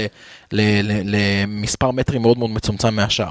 אז לאלי היה את החופש יותר להתחיל לזוז. עכשיו, אני מסתכל טיפה על הנתונים, מבחינת אחוז ההצלחה בפעולות הוא מהגבוהים ביותר בקבוצה, למעט סימיץ' באופן מפתיע, אבל שם כמות הפעולות הייתה משמעותית פחות, אה, פחות גבוהה, עם 78 אחוז, 60 מתוך 77. אה, ואתה... העניין עם עלי, ואני אגיד אותו בצורה שכל האוהדים שלנו, אנחנו מכירים את הנושא הזה, עלי מאוד תלוי במי משחק איתו. המשחק שלו יכול להיות טוב מאוד אם השחקן הנכון משחק לידו, או המשחק שלו יכול להיות סביר עד בסדר אם השחקן הלא נכון משחק לצידו. אנחנו ראינו שנה שעברה ציוותים עם עלי ונטע, ראינו ציוותים עם עלי פאני. ופאני, ראינו ציוותים השנה עם עלי וג'- עם עלי וג'אבר, ראינו ציוותים השנה עם. עלי ושואו. הוא מאוד מאוד תלוי בסוג השחקן שמשחק לידו, הוא צריך ממש להשלים אותו. ואנחנו יודעים מה הוא טוב, אנחנו יודעים מה הוא פחות טוב. קשר אחורי 6 חילצי כדור, עלי מדהים. מ-6 להניע את הכדור קדימה ולהשתתף בבנייה, זה עולם אחר. פחות טוב. ופה בדיוק הנקודה, פה, פה הולך להיות האתגר, ואם אנחנו שוב מדלגים לכיוון ינואר, פה הולך להיות האתגר, מה אתה הולך לעשות ברמת הקישור. כי כרגע יש לך קודם כל ארבעה קשרים, נכון? יש לך עלי, ג'אבר, גוני ושואו. ושואו. שואו הולך, פצוע, גם פצוע וגם הולך לאליפות אפריקה, וגוני, אנחנו מכירים את הבעיות, אתה נשאר עם שניים, קודם כל אין לך רוטציה. דבר שני, אה, השילוב של עלי וג'אבר, יש לו את הבעיות שלו. אנחנו יודעים שיש ראינו. אותם אתמול. יש משחקים שבהם זה יעבוד נהדר, יש משחקים שבהם קבוצות יצטרפו כל כך לאחור, הם לא יוכלו ללחוץ על, על עלי בצורה כזאת, זה יפנה לו את השטח יותר ליצור, זה יפנה לג'אבר לעשות את הדברים שהוא טוב בהם, להיכנס לרחבה וכל הדברים האלה. אבל יש קבוצות שבהם אתה תצטרך ציוות אחר, כרגע אין לך את הציוות האחר הזה, אתה צריך לפתור את זה בינואר. אוקיי, בוא נעבור עוד, אה, עוד חוליה קדימה, נעבור לצ'רון שרי, שאתמול היה לו משחק, אה, תשמע, שרון שרי דיברו הרבה על uh, בעיות של עייפות ורוטציה, ושמענו גם את מסיידגו בקולו אומר שמכבי חיפה כרגע uh, ב- נמצאת בבעיה של הרבה מאוד משחקים ו- ולחץ של, uh, אתה יודע, של סגל ו- וחלק מהסגל פצוע. וזה לא נראה, אתה יודע, דווקא על שרון שרי, שזה שחקן כביכול שאנחנו מדברים עליו uh, כשחקן אולי בין המבוגרים בסגל, שחקן שמשלים 90, 90 דקות אה, ברוב המשחקים בתקופה הזאת, אולי זה לא, לא הסיטואציה הכי חרמה במיוחד, שראינו אותו מאזור המחצית השנייה כבר באיזשהו שלב כבר, אתה יודע, חסר אוויר, ולמרות ששוב, הפעולה המנצחת, החילוץ כדור והפס קדימה הייתה שלו. אבל הם היו חודשיים, איך אין להם כושר?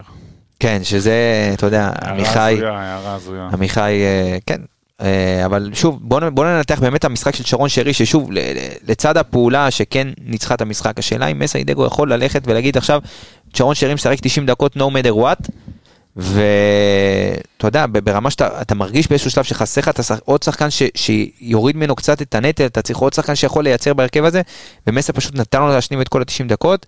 תנתחו לי ככה גם את המשחק של שרי וגם, אתה יודע, את ההחלטה הזאת של מסי ללכת על זה all in. איזה החלטה אחרת יש לך?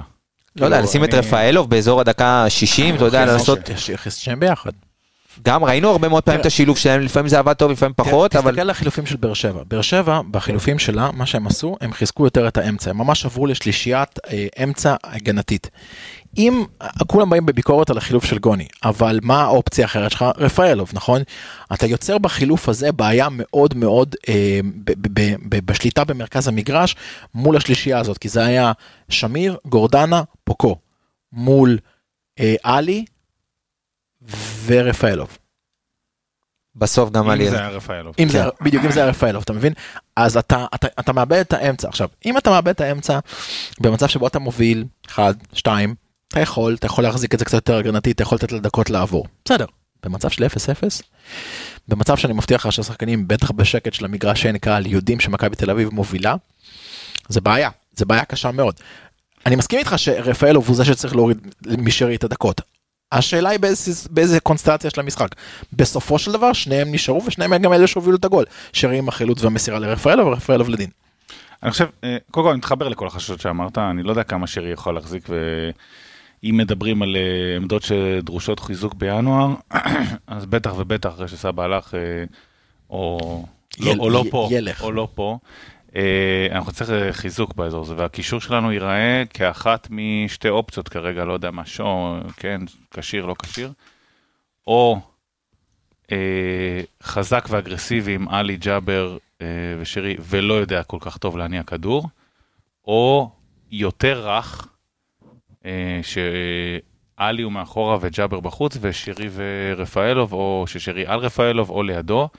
אה, יותר רך ויותר מניע כדור, אבל הרבה פחות אה, לוחץ את האמצע, בעל הבית באמצע ואגרסיבי באמצע. אני מתחבר למה שאלי, אלי, אלי, אלי, אליקס, אותו צבע. אלכס, אלכס, אמר, יש לך בחירה בין שני סוגי קישור, אנחנו רגילים ש... היה לנו הרבה פעמים בסגלים הקודמים, יכולת לשחק עם הקישור וליצור הרבה גיוון בתוכו, ו...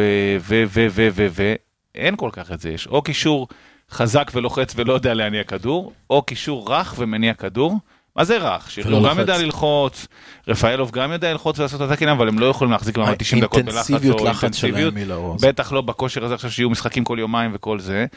אז, אז קצת גם ניתחנו את החילוף למה גוני נכנס לפני, אבל אבל אני, יש פה חשש, יש פה חשש של uh, מישהו שחייב לעזור בהנעת כדור, ודיברת על זה בהתחלה, שבסוף השחקן היוצר היחיד יצא חלילי, זה, זה המצב, משחקים ששרי בינוני, לא גרוע, וזה בינוני, קורה, וזה קורה, קורה לכל שחקן, ואנחנו גם מכירים לפעמים את הנפילות נכון. של שרי מהלך עונה, וזה יקרה, זה ברור.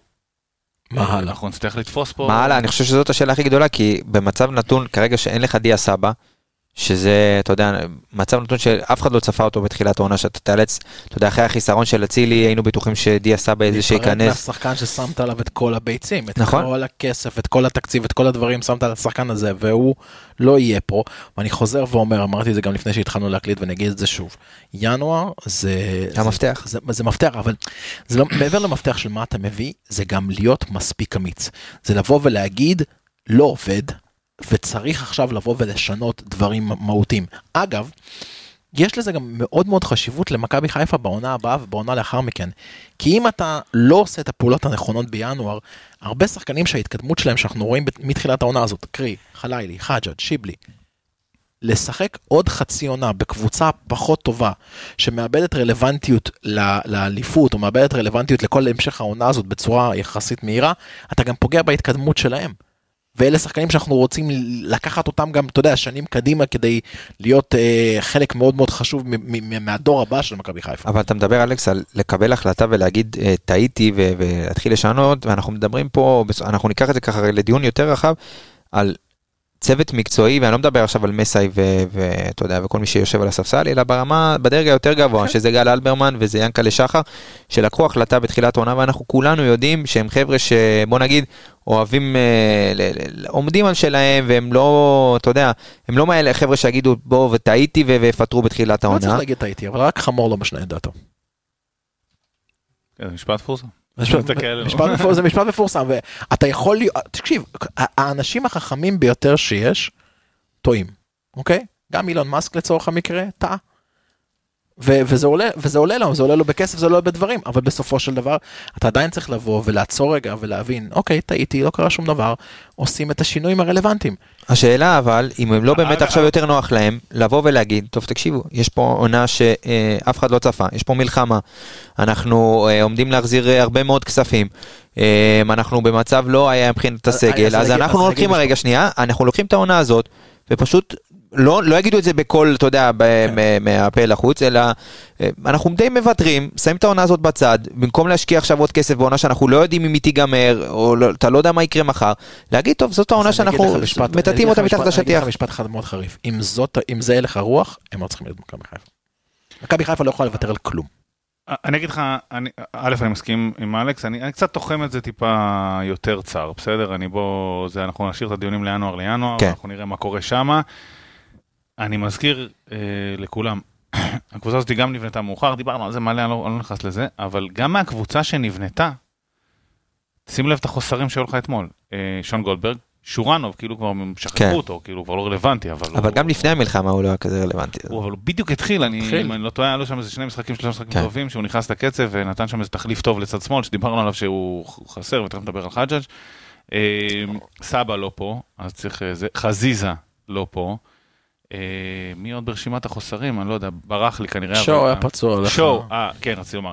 אחד הפתרונות אגב לקישור, שכן ראינו את שואו עושה את זה, בסדר, היו משחקים קיצוניים מול רן וכל מיני כאלה דברים, אבל משחקים שכן ראינו אותו, הם ראינו מול פתח תקווה ומשחקים אה, אה, אחרים, הוא כן הצליח להניע כדור ולתת את כן. הרובד הזה של קישור שיודע להחזיק, פלוס אגרסיביות. זאת אומרת, יכול להיות... שאני עוד לא במקום הזה שאנחנו אומרים כבר עונה עבודה ומוותרים וצריך להביא מלא שחקנים ו ו ו ו ו צריך אולי, אבל יכול להיות שחלק גדול מהפתרונות נמצאים ויושבים על הספסל ברשימת הפצועים. כמו שאמרת, אנחנו אף פעם לא יודעים מי פצוע לקצת זמן, מי פצוע להרבה זמן ומי אה, שם, אבל תדמיין את המשחק של אתמול אה, עם שוך, עזיזה, שורנו ושון גולדברג, הוא נראה אחרת. נכון. בסדר? הוא נראה אחרת. זה גם צריך להגיד את זה, לא צריך אה, ישר להגיד שאנחנו באיזושהי עונה אבודה, ושצעירים לא יתקדמו, וכאילו... יכול להיות שכשהדברים האלה יחזרו, ושוב, אני לא, אני, אני קצת הייתי מנותק בחודשיים האחרונים, אז אני לא יודע מי חוזר מה, מה הלו"ז של כל אחד, אה, אבל יש גם פתרונות שקיימים בתוך הסגל, יכול להיות שהשינויים שצריך לעשות הם לא כאלה גדולים. אמרתי לך, דמיין את הקבוצה הזאת, אם אתמול שון גולדברג במקום שימיץ', אה, חזיזה במקום חג'אג'. אה, מי אמרתי עוד שואו מספק איזשהו שש ועוזר עם עלי שם, ואז יש שרי הרבה יותר אה, פנוי. זה יכול להיראות אחרת. אבל עדיין העומק שלך, אנחנו... הוא לא גדול. אנחנו, נכון. כן, אנחנו לא מתוודעים לא לזה, אתה יודע, ממחזור למחזור, משחק למשחק. שוב, פציעות זה משהו שאנחנו לוקחים בחשבון בכל עונה, ובגלל זה אתה גם מייצר סגל רחב. אבל כשאתה מגיע ממש לקצה הספסל, ואתמול, כמו שאמרת, זיו, אתה מזיז את הראש אחורה, מסיידגו מזיז את הראש אחורה, אין ישועה, הוא לא רואה, אתה יודע, בשורה מאף שחקן, שוב, אולי משניים, בגלל זה גם אולי הטענות של חלק מהאוהדים מוצדקות, שהחילופים שנכנסו מאוחר יותר היו צריכים להיות אלה שבהתחלה, מבחינת, גם מבחינת היררכיה, גם מבחינת היכולת, גם מבחינת היכולת להכריע את המשחק. אז זאת הנקודה שמכבי חיפה כן תצטרך לדעתי לתת עליה את הדעת אה, בינואר, כן לנסות לעבוד חלק מהעמדות שחסרות. אה, לא דיברנו בכלל על עמדת המגן השמאלי שאין לך כרגע פתרון אליה במידה וקורנו, אז שוב אנחנו מדברים לא, לא, אני מסכים שיש חוסרים, לא אמרתי שאין, רק אמרתי שאתמול הם היו... בולטים מאוד כאילו המצב של הקיצון שתגיע אליו, גם הסגל שהיה לא מובן. חכה, אתה עוד לפני אליפות אפריקה, אז אנחנו, אני חושב נכון, שהמצבי קיצון, אנחנו עוד נכון, אה, נכון, אנחנו עוד נדבר עליהם אה, בהמשך, אנחנו עוד... אה, צודק, שכחתי מזה. אז בואו באמת נעבור לשני הווינגרים שלנו, שזה אחד, ענן חלילי, שאני רוצה באמת שנרחיב עליו את הדיון.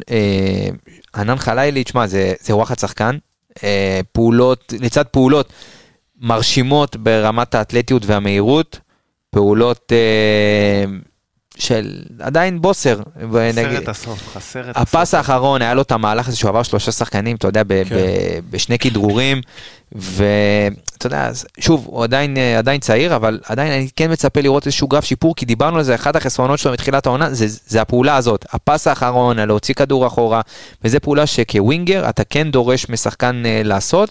בוא נסכם עוד הופעה בעיניי אה, טובה של חלילי, לא הבנתי את פשר החילוף שלו, דווקא הוא, אתה יודע, אחד השחקנים הבולטים אתמול על המגרש, הוא זה שיצא בין הראשונים. זה עניין של עייפות. כן, הוא, הוא ידע שהוא כאילו די נגמר בדקה ה-60. כן, כי הוא יותר חייל... אה, ואגב, הוא גם מאוד מאוד אינטנסיבי עד הדקה הזאת, זה מאוד הגיוני שהוא מאבד את האנרגיות האלה.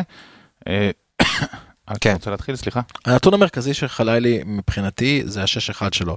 הוא אחד מ-6 בקרוסים, 17% בלבד בקרוסים שלו. הכי חלש אגב בקבוצה, כאשר אה, קורנו וחג'אג' הם אה, ממשיכים שלו עם 1 מ-5. עכשיו, בוא ניקח את המצב הזה שדיברת עליו כרגע. עבר שלושה שחקנים בצורה באמת מדהימה, סללום, ראינו את הגול של כן. בראל הדומה. הוא עשה את המסירה הנכונה. זאת אומרת, המסירה במצב הזה, מהזווית שהוא היה בה, היא אלכסונית אחורה לכיוון הפנדל, כי משם אתה מגיע למצב שבו שחקן מצטרף ועושה גול. יותר קל לסגור את החלוץ שנמצא איתך באותו קו, מאשר השחקן שמגיע מאחורה. הפעולה היא נכונה. מצד שני, לפעמים הפעולה הצפויה היא לא הנכונה. אה, הוא לא מרים ראש, הוא לפעמים עושה את הפעולה שלו, ומתוך האינטנסיביות הוא עושה את, ה, את, ה, את התיאוריה, והוא לא שנייה גם מסתכל על מה קורה בפועל ברחבה. אם הוא רק קצת יותר מסתכל, יכול מאוד להיות שהיינו בכלל לא מגיעים למד, לדקה 93 לדברים האלה. זה אחד. שתיים, יש לחלילי בעיה אחת שלצערי הרב היא... היא, היא הופכת להיות יותר ויותר בעייתית ויותר ויותר מהותית ככל שאנחנו מתקרבים לדקות שבהם הכושר שלו הולך לאיבוד. ככל שאנחנו מתקרבים יותר לדקה 60, דקה 70 הוא משחק את כל המשחק, הסגירות שלו אחורה מהאגף הופכות להיות הרבה הרבה פחות איכותיות. זאת אומרת, הוא ממש חוזר בקצת בחצי ג'וגינג וזה, ושוב, קבוצות שימשכו אותנו לדקות האלה, וכן ינסו לתקוף דרך האגף הזה, דרך השמאל, והוא לא יסגור, אנחנו נאכל מזה. דבר שצריך לשפר. אוקיי. אני אתן קצת נתונים עליו, כי זה המשך ישיר למה שאלכס אומר. אמ, אני אשמור את הנתון הכי טוב לסוף נראה לי. תמיד. אה, כן, אז קודם כל, אה, איומים לשער הוא עם שניים, השני בקבוצה, אה, אחרי חג'אג', אנחנו נדבר על הצמדים האלה כן. עוד הרבה. אמ, קרוסים, שישה, הוא הראשון בקבוצה, אחד מוצלח, 17 אחוזי הצלחה, זה אלכס נגע בזה, דריבלים. ארבע משבע, אה, שבע זה הכי הרבה בקבוצה, אחרי, אה, סליחה, יחד עם חג'אג', זאת אומרת הכנפיים ממש עובדות אה, באזורים דומים, אגב חג'אג' עם אחוזי הצלחה פחות טובים ממנו. זה פחות ה type של חג'אג' גם האחד על אחד. למה חג'אג' עם חמש משבע וחג'אג' עם ארבע שבע. אבל זה לא דריבלים שהם לייצר מצב לא, חג'אג', רגע, רגע, סליחה. נגיעות ברחבה של חלילי, עשר, הוא הראשון בקבוצה, הבא בתור אחריו עם חמש. מי זה? חג'אג'. אה, אמ, אה, ועכשיו גם לגבי הפעולות ההגנתיות. אז חילוצים, אה, שישה, שזה לא בין הגבוהים בקבוצה, אבל שישה בחצי היריבה, שזה מספר אחד בקבוצה. מאבקים הגנתיים, שישה, הוא מקום רביעי בקבוצה. זאת אומרת, הוא עובד גם מאוד חזק הגנתית, אבל, אבל, ועוד לפני שאני מגיע לנקודות הפחות טובות, הצימוד שלו שם עם סונדרן מתחיל לתפוס תאוצה, ואתמול הדאבלים האלה של אחד נכנס, אחד יוצא, אה, אחד ימין, אחד שמאל, כל אחד יודע מתי השני תופס את הקו והוא צריך להיכנס יותר לאמצע, או לחילופין הפוך. או שסונגרן, וזה, אה, דיברנו על זה הרבה בשילוב של אה, קורנו וחג'אג', סונגרן כבר יודע לאן הוא ירוץ. הוא נותן שם כל מיני כדורים, מקבל ממנו כדור ויודע ישר לאן הוא ירוץ, ונותן לו את הכדור הזה לשטח על מגן, או מאחורי ההגנה. האגף הזה מתחיל לצבור תאוצה ולעבוד טוב, והוא מייצר פעולות, אה, אבל בסופו של יום, אחוזי הצלחה הם חשובים, כי בסוף בכדורגל תעשה 100 פעולות, אם הן לא טובות, הן לא טובות. וחלילי עם 64 אה, פעולות על המגרש ו-47 אחוזי הצלחה. זה נמוך לצורך העניין, הוא הכי נמוך בקבוצה. כל השאר הם באזור 70 פלוס וכאלה, ומי השני הכי נמוך רב 49? חג'אג'. אז, אז, אז, אז, אז אני ארחיב אולי אחר כך על חג'אג' או שאתה רוצה ביחד. לא, לא, אתה יכול ללכת על זה. אה, אה, באגף ימין זה, זה נראה יותר טוב, כי חלילי יותר מצליח לעבור את השומרים שלו, חג'אג' לא הצליח uh, אתמול. אה, יותר מצליח לייצר מסירות, יותר מצליח לייצר קרוסים, הוא, הוא, הוא, הוא במובן הזה יותר בשל מחג'אג', עבר יותר קילומטראז' וגם יש לו כנראה יכולות פיזיות אחרות שאין לחג'אג'. שמתאימות ל... אה, והוא גם משחק על, על, על, על הרגל שלו. בדיוק, על הרגל שלו, וחג'אג' על רגל הפוכה, זה תמיד קצת משבש את האחוזים ואת היכולת שלך לייצר מצבים, אה, אבל בסופו של יום, שני, שני הכנפיים האלה עבדו ועבדו טוב, אבל הם לא הצליחו לייצר פעולות איכותיות. הם, הם, הם בסוף, בפעולה האחרונה של המסירה הקטנה, או חג'אג' עם הבעיטה ששרי סידר לו, נכון? זה היה חג'אג'? כן. אה, זה הפעולות שבסוף מסיימות משחק. לאלף אלפי הבדלות, רפאלו ו- ודין, בשתי פעולות של סופר טאץ', סוף טאץ' ונגיעה שהיא מושלמת, גמרו משחק.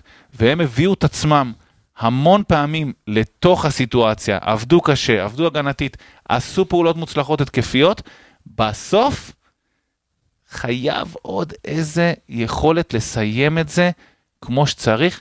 אגב, שניהם מאוד צעירים, זו תופעה מאוד אופיינית לצעירים, בטח שעלו אה, השנה ובטח כאלה ש... אה, שפתאום הקבוצה סומכת עליהם, הרבה פעמים יותר קל לצעירים להשתלב תוך כדי תנועה שהקבוצה כבר רצה. אה, והם חייבים, חייבים שניהם לסיים את הסיפור הזה טיפה יותר טוב. אלכס, אז אני באמת מתחבר לדברים של זיו, ואני אשאל אותך, האם נוסיף לכל ה... אתה יודע, זיו אומר צעירי, וזה בסדר וזה נכון, וזו, וזו העובדה גם. אבל השאלה האם ההשוואה וזה שאנחנו נדבר, ניקח חצי שנה אחורה, לא הרבה. ניקח חצי שנה אחורה ועל האגפים האלה היו פיגורות ושחקני הכרעה, אחד מהם היה לפחות אחד הגדולים בכדורגל הישראלי בשנים האחרונות, שזה עומר אצילי, ובצד השני היה לך את uh, חזיזה ודין דוד לפעמים, שהיו בשיא הכושר, ופתאום באים שני החבר'ה הצעירים האלה ותופסים את המקום בהרכב.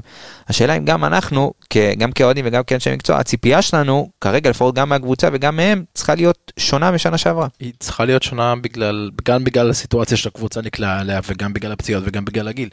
אני חייב להגיד משהו לגבי הנושא של אצילי, אצילי סונגרן אל מול חיי סונגרן, ב balance... אה, זה עובד יותר טוב לדעתי. כן, ב balance אגו, בוא נקרא לזה ככה, סונגרן בתור השחקן הזר שמגיע והוא שחקן עם ticket, ticket יותר הגנתי מול הכוכב הבלתי מעורער של הקבוצה ששנתיים שחקן העונה עם השערים ועם הבישולים, לא ממש יכול לקבוע את הטון. מצד שני, כשאתה שחקן בן 30 פלוס ואתה נמצא באגף עם ילד בן 19, אתה כן יכול לכוון אותו בדיוק לנקודות האלה. אז בהיררכיית, אה, אה, תקרא לזה היררכיית אנשים, היררכיית אגו, היררכיית כל מיני דברים כאלה, זה הרבה יותר, זה הרבה יותר נכון.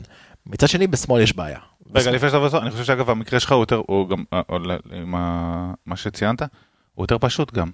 חלילי יותר מגוון מאצילי, יותר אה, קל למגן להיות מגוון איתו. זה גם ברמה הנטו מקצועית. חלילי יותר מגוון מאצילי, כן. חלילי יודע להיכנס פנימה החוצה, לשחק עם הרגל שלו על הקו, אה, עומר לא ידע לעשות את הרגל שלו על הקו, כאילו להישאר צמוד לקו. אה, אה, הוא נותן יותר מקום למגן שלו, ובלי קשר ל... ל, ל להיררכיית אה, גיל, אגו וכו' וכו', מקצועית, הוא יותר מגוון מאצילי בהרבה חלילי, והוא נותן יותר מרחב למגן שלו. נכון, אבל התכלס שלו הוא לא, לא באותה ליגה כמו עם אצילי, אבל אני לא יכול להשאיר שחקן בן 19 שזו העונה הראשונה שלו בבוגרים. אז זאת, זאת השאלה בעצם, זאת ה... שניהם אגב, שניהם אגב עם 16 עיבודי כדור זה הכי הרבה בקבוצה. אה, וכדי להשלים את מפת הקרוסים שאלכס נתן, אז אה, חג'אג' עם 1 מ-5, 20 אחוז, קרוב מאוד ל-17 של אה, חלילי. זה חייב להשתפר כי שניהם שם במשחק, דווקא בוא נציין את הדברים הטובים, בתור שחקנים צעירים יודעים לקחת עצמם, על עצמם, יודעים להיכנס למשחק, יודעים לעשות את הפעולות. זה חייב להשתפר יותר טוב. אגב, חלילי, אם הוא עם דיוק יותר טוב אה, בסוף שם, הוא מפלצת. כן, חד הוא משמעית. מפלצת. הוא- הוא גם יהיה. הוא, הוא יהיה, הוא אם יהיה. הוא, הוא, הוא ישפר את זה, ואם הוא יצליח לשפר את זה, הוא מפלצת. הוא מפלצת. כן. לא, אגב, אתה אמרת לגבי... אין מה להמשיך, אתה לא. כי אני מסכים איתך לחלוטין, וזאת הנקודה, זאת- הנקודה של מכבי חיפה. זה בדיוק הנקודה, אתה יודע, קבוצות משנות, אה, משנות גילאים ומשנות, זה, יש לך את הסבב הבא של השחקנים שנכנסים, ובודדות הקבוצות שיוצאות מפיק כל כך גבוה. ופשוט ממשיכות, אתה יודע, רחובות על הפיק הזה בחילופי שחקנים ובחילופי דורות, זה, זה, זה קשה, זה, זה כמעט בלתי אפשרי, אני לא מכיר קבוצה אחת שפשוט הולכת בצורה רציפה כל הזמן עם שחקנים בוגרים יותר שמוחלפים על ידי שחקנים יותר צעירים. יש לך תמיד את הדיפ הזה למטה, אבל לפחות מה שאתה רואה בק- בק- בקבוצה הזאת, זה אתה רואה את הכישרון. קח את חלג'ה לצורך המקרה, אני זוכר מהמשחקים הראשונים ששילבו אותו בהרכב בתחילת העונה, אני חושב שזה היה נגיד, שזה היה באירופה, במוקדמות, ואולי הוא מסוגל לעבור שחקן. ואני ראיתי אותו מנסה פעם, מנסה פעמיים, והוא היה אאוט מהמשחק לחלוטין, אני חושב שזה היה או שריף או טורשה, משהו, משהו במשחקים האלה. ו- ואתה רואה לאט לאט שהביטחון שלו נבנה, ואתה רואה לאט לאט שהוא גם יותר בטוח בפעולה שלו. מה זה דריבל בסופו של דבר? אתה צריך להיות מאוד מאוד בטוח בפעולה שלך, צריך לעשות את זה מאוד מאוד מהר. אה, וזה עוד פעם מחזיר אותי למה מכבי חיפה צריכה לעשות בחלון העברות הקרוב. היא לא יכולה לעצור את ההתקדמות של השחקנים האלה. היא לא יכולה עכשיו לבוא ולעצור את ההתקדמות של חג'אג' ושל שיבלי ושל חלילי. כל השחקנים האלה צריכים לקחת את העונה הזאת, לא משנה מה יהיה האוטקום שלה. כן אליפות, לא אליפות, כן רלוונטי עד הסוף, לא רלוונטי עד הסוף, זה לא משנה. אלה אבני היסוד שלך לשנים הבאות, אם הם יישארו כמובן פה, אמ, אבל אתה צריך לפחות לתת להם את הכלים לעשות את זה. כמה צעירים מכבי חיפה שרפה שרפה על עונות גרועות, פשוט נזרקו לתוך הסיטואציה, לא היה להם מי לשחק, הם קיבלו את הרמה של הקבוצה, ירדו וירדו וירדו, ופשוט הכישרון וכל ההבטחה שלהם פשוט נעלמה, התמוססה. אנחנו לא, לא, אנחנו לא נמצאים במצב הזה כמועדון. מילה אחרונה על חג'אג'. אה, אני כן רוצה לזרוק שני נתונים, כי אני חושב שזה גם מסדר את הראש. חג'אג' עם אה, אה, שמונה חילוצי כדור, ומה, ומה שיותר חשוב, מאבקים הגנתיים תשעה. ופה כן חשוב לציין, שאני כאילו מדבר נורא על איך הלילי וסונגרן עובד טוב, פה המבנה הוא קצת הפוך, חג'אג' אפילו עושה הגנה יותר מקורנו, זאת אומרת, תשווה אותו, מאבקים הגנתיים אה, תשעה, לקורנו יש אה, שבעה. זאת אומרת, בקו שלו הוא גם עובד קשה מאוד הגנתית, וזה מביא אותו למצב שאם אתה גם עובד מאוד קשה הגנתית, לא שחלילי לא, חלילי עובד גם הגנתית חזק, אבל אם אתה עובד מאוד קשה הגנתית, הרבה פעמים אתה כאילו בסוף מגיע לאיזשהו ספרינט בסוף ואיזה דריבל על השחקן, השקעת את הכוח הגעת- שלך בהגנה. אז כן, אז כן, זאת נקודה שכן עומדת ל, ל, לזכותו אה, בצורה טובה לדעתי. אתה אפילו רואה פיזיולוגית ש- ש- שחג'אג' זה לא השחקן שעזב אותך בשנה שעברה, זה לא השחקן שחזר בקיץ, אתה, אתה רואה גם את, הדברים האלה. בסופו של דבר כשאתה בן 19 גוף צריך להתפתח, שריר, כל הדברים האלה, אתה רואה שיש עבודה שם, זאת אומרת אתה רואה שיש עבודה כל הזמן מתקדמת ו... יש התפתחות אה, נכון. של כלל שחקני הבית, אני חושב שזה גם ייאמר לזכות של- שהוא צריך להמשיך את הקו הזה, חייבים. אבל צריך גם לשדרג אותם ולהביא, אתה יודע, עוד שחקנים אה, שישדרגו אותם גם בתוך הסגל. אה, ואני רוצה שנעבור אה, לאיש? הגדול, ש... נגד הכיבוש. כן, נגד, האיש שנגד הכיבוש. אה, ב- מה זה פספסתי, אני לא סגור. אה, פשוט- נגד הכיבוש? אוקיי. הבנת? אוקיי. אז האיש שבאמת אה, אני מסרב. אאוט לגמרי, אני אאוט כן, לגמרי. האיש שמסרב ל- ל- ל- ל- לסתום לי את הפה, כאילו הוא הצליח פעם נגד מכבי נתניה, אבל הוא פשוט מסרב לעשות את זה, והוא המשיך עם עוד איזושהי החמצה, אמנם אתה יודע, אה, נמנע באופסייד, זה אבל גם הוא... ליטוף של הכדור כן, כזה. זה- אבל גם הוא אתמול אה, לא היה לא היה מחובר כל כך למשחק, לא לא הורגש כמעט, אתה יודע, הנתון של זיו לדעתי דיבר בעד עצמו, שמי שנגעו הכי הרבה ברחבה זה חג'אג' ו- חלילי. וחלילי ולא החלוץ שלך, נכון. אז אני חושב שזה גם אומר די הרבה. מצד שני משחק כמו אתמול קצת קשה לבוא בטענות לפרו כי באמת אם תסתכל ממש כאילו קח את כל הטור של ההגבהות לרחבה ותסתכל על כל אחוז ההצלחה שלהם אתה תקשיב פשוט לא קיבל כדורים. גם היה עליו את ויטור שהוציא אותו מאיזון שם, ראית את ויטור יש לו את ה- כן, את האלה, ה- יכול- יכול להוציא... להוציא שגע. פילים. בסדר, זה לא צריך להיות תירוץ, כי פיירו, אם הוא בא, הוא בא בשביל להתמודד, אגב, כן. עם ויטורים. כן. הוא בא להתמודד עם כאלה שא' הם גדולים וחזקים, וב' הם באים להוציא אותך מאיזון, ולזכותם אגב שהוא די נשאר שלו בהרבה, הוא, הוא אחד הקטעים, הוא נשאר שלו גם, חד כשהוא- משמעית. גם כשהוא צריך לעלות הילוך ולתת את הגול, אבל הוא נשאר שלו מדי, אבל לצורך העניין כל הבלמים האלה שמטריפים אותו, לא מוציאים אותו אין מדעתו. הרבה כאלה גם. כמה ויטורים יש לך בליגה? לא, אבל יש הרבה שבאים להטריף אותו. לא, לא, אבל לא בצורה גם כזאת. באירופה, גם ויטור- ויטור זה- זה- זה זה התמחות, זה מקצוענות של שנים. לגמרי. כן. אה, נגיעות ברחבה אגב, שתיים. אה, הוא הוא משהו כמו חמישי בקבוצה או משהו כזה. לא יודע, שזה, אה, איך אתה אחרי- אומר, אחרי- מוטרף? אחרי ג'אבר, אחרי חג'אג', אחרי קורנו, אה, לא קורנו, סליחה, אה, חלילי. אה, אגב, כמה נגיעות יש לדין דוד בתוך הרחבה? אתה יודע אם כבר אנחנו מדברים, אז אני חושב שאולי עדיף. כן, שתיים- אז שתיים גם, אגב. אז אולי עדיף באמת לדבר, אה, אתה יודע, להמשיך על... ביחד, ביחד. כן, אז על האיש שכן ניצח למשחק. ב-19 דין דוד ב-19 דקות, אה, לעומת פיירו ב-77 דקות. שתי נגיעות ברחבה, אחת מהן הסתיימה בגול. אה, פיירו אנחנו יודעים מה יקרה. אם הוא יגיע למצב אחד ברחבה, הוא יחמיץ אותו, הוא יצטרך את השני או את השלישי. אה, ואז אה, אולי זה יקרה. אני חושב שהנגיעה אתמול של דין דוד בכדור, כולל התנועה שלו, למרות שפיירו כן יודע לעשות תנועה, זה לא, זה לא שהוא לא יודע. גורמות אה, לדגו לשאול את עצמו קצת שאלות, חס, איך שלא תסובב את זה, דיברנו על זה מלא, זה סבא, אצילי אה, וכל מי שעלה, חסר לך מספרים. וכשאתה מסתכל על מי שייתן לך מספרים מבין השניים, אה, בואו לא נעשה את זה מורכב מדי, לא מספרים, שערים. כן. אה, מבין השניים, לדין יש סבירות יותר גבוהה לתת את זה. ו... בעיקר במבנה הליגה שלנו, ואיך שהקבוצות בו- אה, משחקות, וסוג סוג השחקנים שאנחנו רואים פה במשך שנים על גבי שנים שמביאים את המספרים האלה, הם לא שחקנים כמו פירו. ו- ו- ו- ו- וגם כשאנחנו מדברים על התנועה שהם עושים ברחבה, אז דיברנו על כניסות של חלילי וחג'ה, זה גם מתאים די טוב עם התנועות שדין דוד יודע לעשות. אה, כמעט כבש שם אחד מהנייח הזה. עם התנועה הזאת, בסדר, היה נבדל, אבל זה נבדל כזה צפוף בתור רחבה שמלא נופלים בו. אני חושב שזאת שאלה, אני חושב שבשאלה, מבלי להיכנס לדיון הפילוסופי תמיד מי יותר טוב, מי עוזר יותר למשחק, מי עוזר יותר להנעת כדור, אני מתייחס לאלמנט אחד מאוד ספציפי, שערים, הדבר שלשמו אנחנו פה, יש פה שאלה, יש פה שאלה.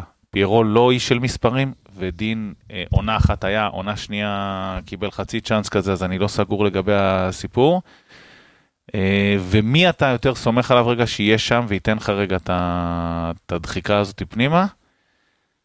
אתמול זה הוכח מי, אני לא בטוח שזה עונה על השאלה הפילוסופית הגדולה, אבל uh, זאת שאלה שצריך אה, להתכבד בה, ולדעתי דין צריך לקבל יותר דקות בוודאות. אלכס, אז אני מפנה את אותה שאלה אליך, האם באמת הבעיה של מכבי חיפה העונה תהיה, תפול, תיפול ותקום על מי, על שחקן ההכרעה שכביכול אמור לתת לך כן. את הגול המנצח, כי היה לך שנה שעברה כמה כאלה, היה לך את אצילי עד ינואר, ובינואר בא לך גם דיה סבא, וכן גם החלוצים שלך, שגם דין וגם פירון, כל אחד נתן את אתה יודע, את המנה שלו, וגם היה לך פאני שהשלים את זה, ושרי שהשלים את זה, והשנה למכבי חיפה אין מספיק התפלגות רחבה של שערים, ואין גם שחקני הכרעה מספיק. ודיברנו על זה שכשעוזב לך שחקן אחד שמביא כל כך הרבה מספרים, שמביא לך באמת 30, 30 בשני, בשתי העונות שערים בישולים, אתה, ההתפלגות חייבת להיות יותר רחבה, כלומר יותר שחקנים צריכים לשאת במעמסה. וכש, אה, אתה יודע, כמו אלונקה לצורך המקרה, כשאחד מזייף, כל האלונקה הרבה יותר כבדה. גם במקרה הזה. אז שרי פתח את העונה לא רע, בכלל מבחינת בישולים ושערים, בכלל עושה את הפעולות שלו, ויש לך עוד כל מיני פעולות כאלה ואחרות, אבל באמת, גם אה, דין, אה, אגב, לא, לא באשמתו, כן, הוא פשוט קיבל הרבה פחות הזדמנויות מדגו מתחילת העונה, וגם פיירו לצורך המקרה, למעט מה שהוא תמיד טוב בו, זה המוקדמות אה, באירופה. כן. אה, הם, הם קצת לא נושאים את החלק שלהם בנסיעת האלונקה הזאת, ואו שזה ישתפר, או, ואני אציע פה איזשהו פתרון, מכבי חיפה אולי צריכה ללמוד לשחק עם שניהם ביחד. כי שניהם ביחד מהווים איזשהו פתרון מאוד מאוד מעניין לפוקוס של מה ההגנה צריכה לעשות. אם ההגנה צריכה להתמקד בחלוץ הפיזי והגבוה ולמנוע ממנו לעשות את כל המאבקים האלה, ואז השחקן היותר מהיר יכול להסתנן, או הפוך. יכול מאוד להיות שהפתרון שלנו הוא לא יהיה זה או זה, אלא זה וזה ביחד. אוקיי, מעניין מאוד. אני רוצה עוד מילה אחת לפני שנעבור ככה, יש לנו עוד אה, משחק ביום אה, רביעי, מי ששכח, מי שלא ידע, משחק השלמה. חייב לתת מילה קטנה לליאור רפאלוב. ליאור רפאלוב אתמול נכנס דקה 88, תמוה מאוד uh, לדעתי, uh, ואני אגיד אפילו לא מכבד כלפיו, להכניס שחקן כזה בדקה 88, uh, שחקן שמתחמם מדקה 45, אולי אפילו לפני, ולהכניס אותו כחילוף אחרון, לדעתי הוא היה יכול לתרום הרבה יותר לפני, אבל אתה יודע, בסופו של דבר הוא נתן, נתן את הגול שלו, אבל אני חושב שמאוד מאוד, הפעולה של ליאור רפאלוב אתמול, זה פעולה של ליאור רפאלוב בשיאו במכבי חיפה לפני, אתה יודע, בקדנציה הקודמת.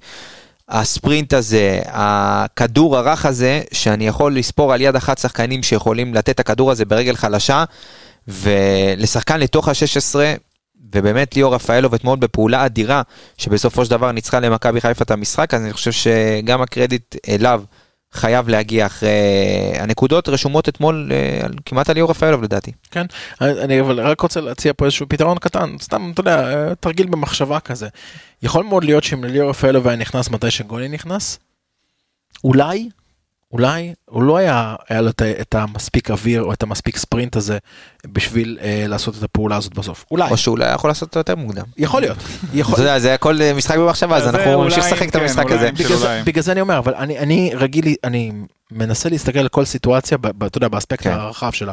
לא רק על דבר כזה, זה שהוא בסופו של דבר, אתה אומר, אולי זה לא מכבד. תשמע, אני, אני אומר, אתה יודע, גם, גם זה יש שני אספקטים. הוא לא צריך להיכנס בדקה 88, מצד שני הוא גם לא צריך להתח- להתחמם בדקה 45. היית מרגיש יותר טוב אם היה מתחיל להתחמם דקה 75, נכנס דקה 85? אני חושב שלהכניס שחקן בגילו, לא, בדקה- אבל- בגיש- ב- בדקה 88, כשנשאר לך 4-5 דקות לשחק, אז כאילו מה מה הציפייה שלך ממנו? כאילו מה אתה משדר לו? שייתן בישול לגול. בדיוק, בדיוק, זו הציפייה שלך. בפעולה וחצי, לא, לא, בסדר, אני צוחק. אתה מבין למה אני מתכוון? לא, לא, אבל במצב זה- הנוכחי שלנו של מכבי חיפה אין לך לצורך המקרה אין אין, אין.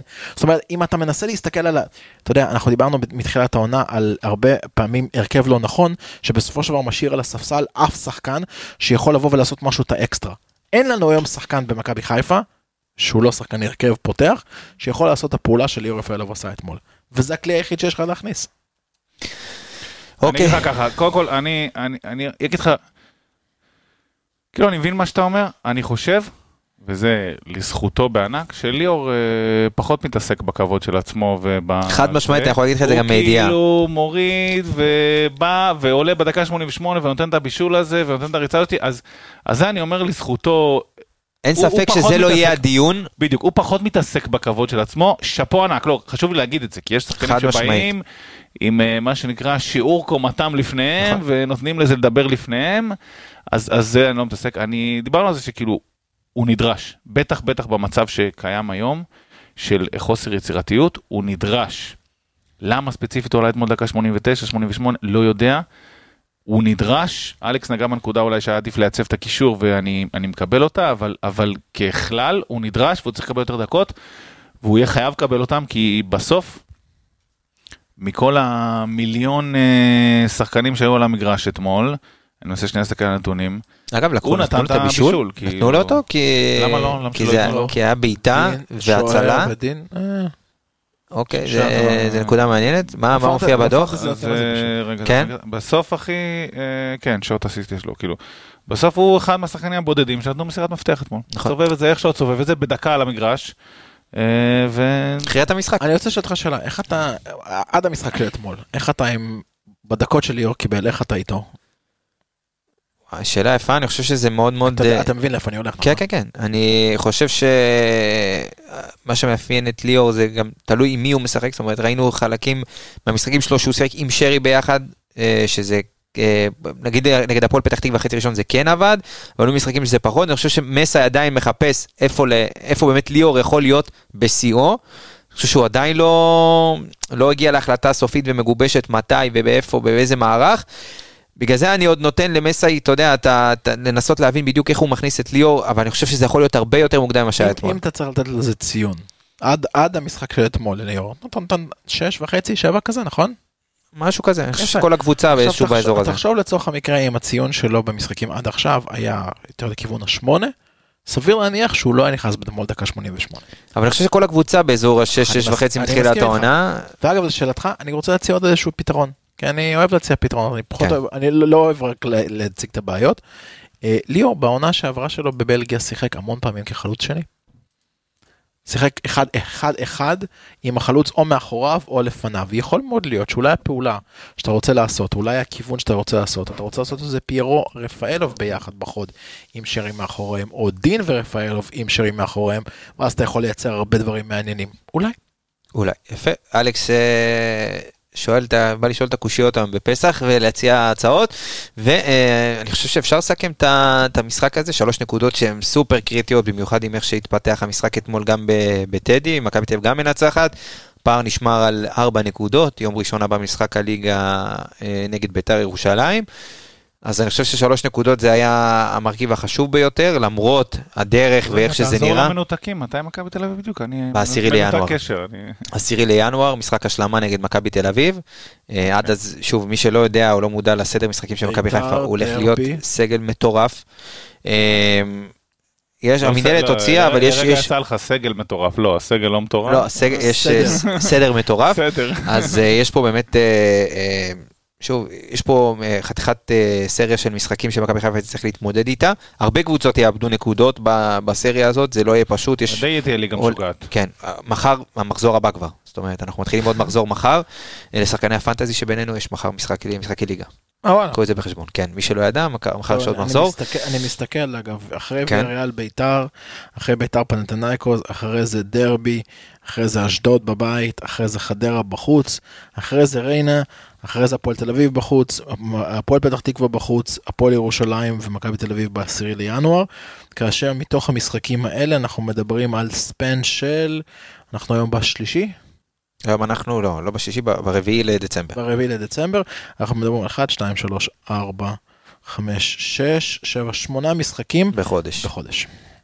שמונה משחקים בחודש, יפה מאוד. אז אה, חתיכת... אה, אבל מצד שני אני כן חייב לבוא ולהגיד, ה- הפריסת משחקים הזאת של הפועל חיפה, אשדוד, חדרה, ריינה, הפועל תל אביב, הפועל פתח תקווה, הפועל ירושלים, עד המשחק נגד מכבי תל אביב, אם יש איזשהו מקום שבו אתה יכול, אתה יודע, לתת את הרצף הזה, לתת את ה... את ה זה את ה- פה. זה פה. אוקיי. בוא נעבור אה, הלאה, יש משחק מכבי חיפה ביום רביעי יוצאת אה, למשחק, אה, איך, איך נגדיר אותו? משחק, אה, לא אגיד לפרוטוקול, אה, כי יש עדיין על מה לשחק, אבל זה לא המשחק שיקבע אם אנחנו נעלה או לא. זה- תכף אנחנו זה נסביר משחק בדיוק. למשל שיכניס לך עוד כושר להמשך הליגה. עוד כושר, בוא נגיד נגד יריבה מאוד מאוד חזקה, אה, בוא נגיד זה לא המשחק שאתה רוצה להיכנס בו לכושר. עוד אה, פצועה גם. נכון, אז אה, בוא נעשה ככה סדר, אלכס על ויה ריאל, קודם כל החליפו מאמן, כן. אנחנו יודעים על מרסלינו שאימן בתחילת העונה את מרסיי, והודח נגד פנתנאיקוס, מי שלא יודע. כן, פקטה אימן אותם במשחק הקודם, רק במשחק הקודם נגד נכון, ויאריאל. אגב, שם. אחרינו, אחרי המשחק נגדנו, הוא פוטר. אז ככה, זה שני מאמנים שכבר הלכו הביתה מהבית הזה, וזה לא המאמנים של מכבי חיפה ופנתנאיקוס, שזה, ה- שזה אולי הבשורה המעניינת. אה, אבל אה, חילופי מאמנים אה, בוויה ריאל, מה הם עשו ככה, תן לנו סקירה קצרה, אלכס, המשחקים האחרונים שלהם, אני יודע שאחרינו ישר הם פגשו את אה, אתלטיקו מדריד והפסידו 3-1, אבל זה לא היה המאמן החדש. לאחר מכן הם יצאו לרצף של ארבעה משחקים, אני כבר אשלים אותך, הם יצאו לרצף של ארבעה משחקים ללא הפסד. יש להם משחק אה, גביע שהם ניצחו בו 2-1 ועוד אה, שני משחקי ליגה רצופים עם ניצחון, כשלאחריהם הגיע אה, תיקו אה. בשבת, תיקו חוץ נגד אה, אה, סביליה, כמו שאמרת אלכס. אה, אז בואו ככה נעשה סקירה על, אה, קודם כל על מצב הקבוצה כרגע, כי כמו שאמרת מקודם יש הרבה מאוד אה, פצועים וחוסרים, ויש איזשהו כוכב אחד בולט שעלה ככה מאז שהמאמן החדש הגיע. כן, אז, אז קודם כל, באמת מבחינת הפצועים, הסורלוט אה, פצוע, אה, האיסה מנדי, גם שניהם פצועים, שני שחקנים שפתחו נגדנו במשחק הקודם. באופן כללי, ה- הזהות בין שני ההרכבים שפתחו גם במשחק נגדנו וגם במשחק, רק שלושה משחקים לאחר מכן, נגד סביליה אתמול, הם מאוד מאוד מאוד שונה. אה, גם לצורך המקרה, אתמול במשחק אה, נגד סביליה היה פציעה כלשהי של דני פרחו. אה, גם מורנו שנכנס דקה 71 יצא דקה 84 גם כנראה מפציעה. אלביול שלא שיחק נגדנו פתח במשחק נגד סביליה. אה, סורלוט באמת אה, אולי השחקן הכי מעניין אה, שפצוע וכאן אמור לחזור רק בסוף דצמבר אז זה פחות, פחות הבעיה שלנו. והשחקן שאתה דיברת עליו לצורך המקרה שנותן באמת את הדברים המעניינים אה, זה מורלס. מורלס שמאז המאמן החדש הוא עם ארבעה שערים. מאז שערים. המאמן החדש ארבעה שערים, יש לו עוד, בוא נגיד הוא בתקופה, מאז המשחק האחרון מאז המשחק שלהם נגדנו עד המשחק אה, שיהיה ביום אה, רביעי הקרוב, יש לו שבעה משחקים, אה, בחמישה משחקים, שבעה שערים בחמישה משחקים ועוד בישול, אז מורייס באמת בתקופה מצוינת, אבל בואו נעשה ככה סדר לגבי טבלת הבית כדי שנבין בדיוק מה, מה קורה. אז קודם כל, רן ופנתנאיקוס נותר להם עוד משחק אחד, כשמכבי חיפה בעצם וויה ריאל נותרו עם שני משחקים בקנה, כשבעצם המשחק האחרון של מכבי חיפה היה נגד פנתנאיקוס, ולמה אמרתי מקודם שמכבי חיפה לא חייבת לנצח את המשחק הזה כדי לעלות? הוא מהעובדה הפשוטה שכרגע לפחות, אה, לפי החוקים של אה, וופא, אה, מה שיכריע בעצם מי תעלה, זה אה, המפגשים, במידה ויש שוויון בנקודות, אלה המפגשים הישירים בין הקבוצות. זאת אומרת, מכבי חיפה צריכה לנצח את פנתנאיקוס במשחק האחרון. לא אמרת כלום. לא, לא אמרתי כלום, אבל שוב, אה, בעיקרון זה, זה מה שמכבי חיפה צריכה לעשות, לנצח במשחק האחרון את פנתנאיקוס בחוץ, באתונה, לא פשוט בכלל, ושם בעצם, במידה והיא תעשה את זה, היא בעצם אה, תעלה מהמקום השלישי, בעצם לא תעלה, אלא תיפול מהמקום השלישי לקונפרנס ליג, שם היא תפגוש יריבה מהמקום השני, אחת מהן שסיימה את הבית במקום השני. אה, אז זה ככה לגבי פני הבית. השאלה באמת, זיו, אני מכניס אותך פה לדיון לגבי ויה ריאל, וגם לגבי מכבי חיפה, ככה נעשה כבר, נלך על זה ביחד. האם נכון במצב העניינים ובעובדה שאמרתי שגם אם אנחנו נפסיד את המשחק ואנחנו ננצח עדיין באתונה אנחנו נעלה, האם נכון באמת לנסות עדיין עוד פעם ללכת על הרכבים שהם יותר אה, בוא נקרא לזה משניים למרות שגם עכשיו מה שאנחנו רואים זה לא כן, הרכבים האידיאליים, האם נכון באמת להמשיך בקו הזה כדי גם להכניס עוד שחקנים לכושר. אה, השאלה אם זה באמת עושה טוב לקבוצה כל כך הרבה שינויים, איך אתה, איך אתה רואה את הדברים האלה? אני אפילו לא יודע כמה שינויים אפשר לעשות, כאילו כמה, כמה יותר משנים מזה כן. אתה יכול אה, להיות. כן, הרבה, לא... אתה, יכול, אתה יכול להכניס... חמי גרשון, סופות גרנו, מה שראינו ח... במשחק ח... נגד... אה, שיבלי, דין שיכול לפתוח, רפאלוב שיכול לפתוח. כי שחקנים שבאמת שיחקו דקות בודדות במשחק הזה. אני חושב שאולי זה הכיוון, אולי בגלל זה... כאילו חושב על זה, כן, הייתי אולי... יוני נאור. תראה, מצד אחד אני רוצה להגיד, אה, מוותרים על אירופה ובוא... ובוא... אה, בוא נסיים. בוא נשמור את הסגל הזה לליגה שהיא בוודאות הרבה יותר חשוב. אגב, גם אם אתה מוותר על המשחק הזה, אתה לא מוותר על אירופה, כמו שאמרתי מקודם. אתה צריך בסך הכל ניצח... שהוא בסך הכל... אני לא רוצה לחטוף איזה מכה, כי אני חושב שאנחנו במצב כל כך שברירי וכל כך... אה, ויה ריאל, אבל לא- במצב הנוכחי שלה, אפילו עם הרצף על נחמד, עם אפקט המאמן, היא לא קבוצה לתת את המכה. היא פשוט לא, ראית את זה גם במשחק נגד, נגדם. נגד פנטינאיקוס אגב הם הובילו 3-0, אה, דקה 47 כבר היו ב-3-0, משחק נגמר ב-3-2. אה, זה ככה...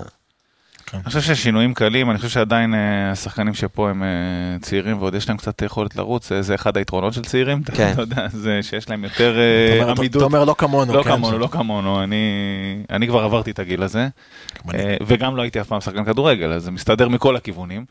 אה, הייתי מגוון קצת, כן, אה, ונותן כמה שיותר מנוחה דקות, נגיד שרי, אני לא יודע, כאילו, אני לא יודע איזה אמצע תחזיק בלעדיו, מצד שני הייתי כן נותן לו לנוח. אה, מכניס את ליאור ליותר דקות אולי, אולי זה היה השיקול של לשמור את ליאור במשחק אתמול, טיפה להוריד לחץ מול ויה ריאל. אני חושב שכן, הייתי מגוון קצת, אבל עם עין מאוד זהירה לגבי לא לחטוף איזה... איזה אחת לראש כזאת. אה, שתוריד את הביטחון גם לחלק מהשחקנים. בדיוק, אנחנו גם לא בתקופה שאנחנו באים... אה, כן, שאתה ברצף. בדיוק, גיבורי העולם, אה, תקופת בכר כזאת שאתה בא עם החזה מתוח. אני חושב שגם הסיכום מאוד פשוט, יש שחקנים שבהם אתה יכול לגוון, יש שחקנים שאתה לא. למשל, לא מגן ימין. לא, שמה לא. גם לא מגן שמאל. מגן שמאל אין לך פשוט. אתה יכול לשנות מערך ולהתחיל עכשיו לשים קנדיל על כל הקו. לא. לא. פשוט לא. באמת, כאילו, אני, אני לא יודע מה קרה, כי באמת קנדיל ראיתי אותו שנה שעברה במכבי תל אביב, והיה לא רע. באמת לא רע תחת איביץ'. אבל שוב, זה גם עניין של חוסר ביטחון, חוסר בדקות משחק, הרבה מאוד אלמנטים בוא, ש... בוא ננסה לבנות הרכב ונראה כמה, כמה גיוון יש לנו. קיוף יפתח בשער, נכון. זה ברור. סק ישחק, זה ברור. מי איתו? סימיץ' או גרשון? האמת, זה לא כזה משנה כרגע. אוקיי. קורנו חייב לפתוח, סונגרן לפי דעתי חייב לפתוח. גם אם יש פה רצון לגוון ולשמור אותו, אז תגוון איתו דקה 60, דקה 70, אל תגוון אותו מתחילת המשחק. אוקיי, ובאמצע? יפה, באמצע, מה האופציות שיש לך? של שלושה שחקנים בסך הכל. יש לך ג'אבר, יש לך עלי ויש לך גונינו. אין לך אופציה לגוון. השאלה אם אתה רוצה, אם אתה פותח עם שלישייה כזאת, אולי. או שאתה שם את אה, ליאור רפאלוב כחלק מהשלישייה. אולי, לא, לא, השלישייה כזאת, מקסימום, אתה יודע, מקסימום אולי סוג של יהלום מסוים, אתה יכול לפתוח פה. עם ליאור בשפיץ, ואז שני חלוצים שהם דין דוד ופיירו, או דין דוד ועוד חלוץ. נכון.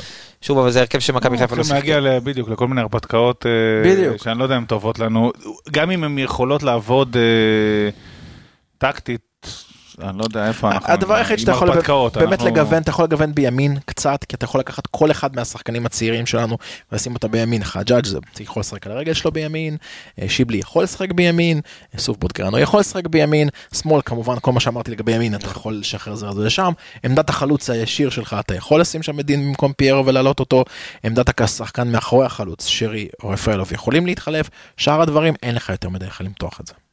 אוקיי. אה, אז אלו... פיינגולד יעלה בימין. כן.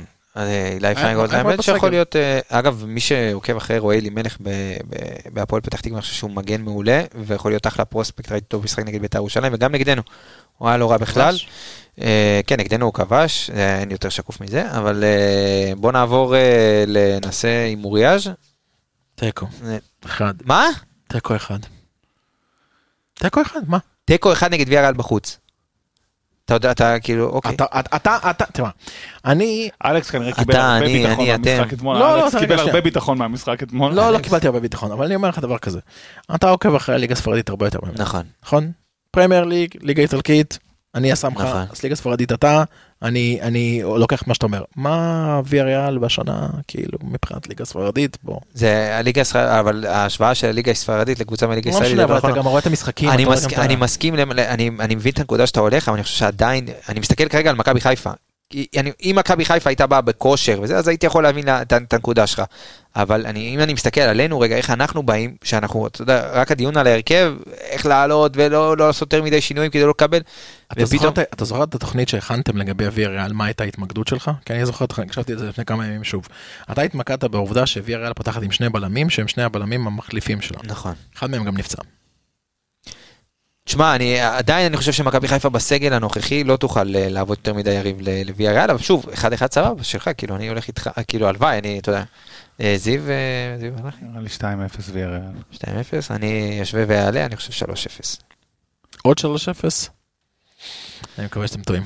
אני גם מקווה שאני טועה. אני, אגב, במשחק אתמול אמרתי 0-0, והייתי רחוק כן. דקה וחצי מ- מלבוא טוב לנו לפה. שטעית, טוב לנו שטעית. חד משמעית. יש לי משחקים, תקשיב, אני, כשאני רואה משחקים, במגרש כמובן, אבל כשאני רואה משחקים מהבית, אל- אל דברו איתי ילדים, כאילו הצידה, לי יש בנות.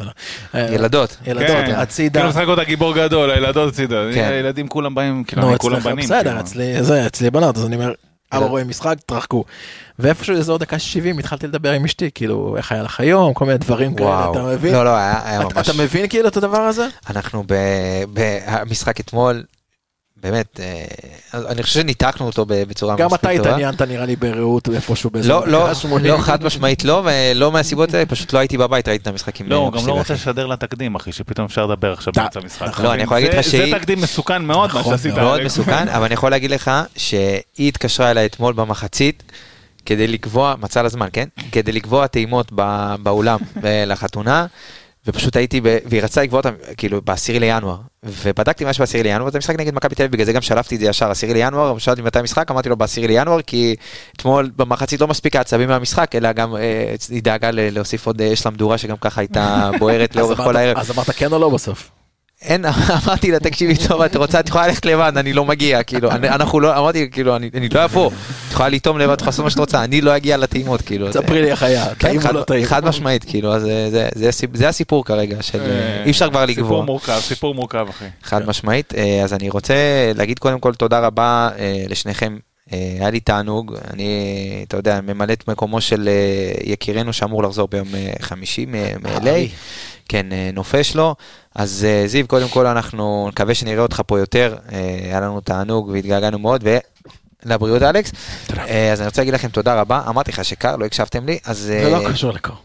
אז אני רוצה להגיד לכם תודה רבה, כמו שאמרתי שוב, אנחנו נתראה ונשתמע בפרק הבא, בעזרת השם אחרי התוצאה שאלכס אמר. ביי ביי.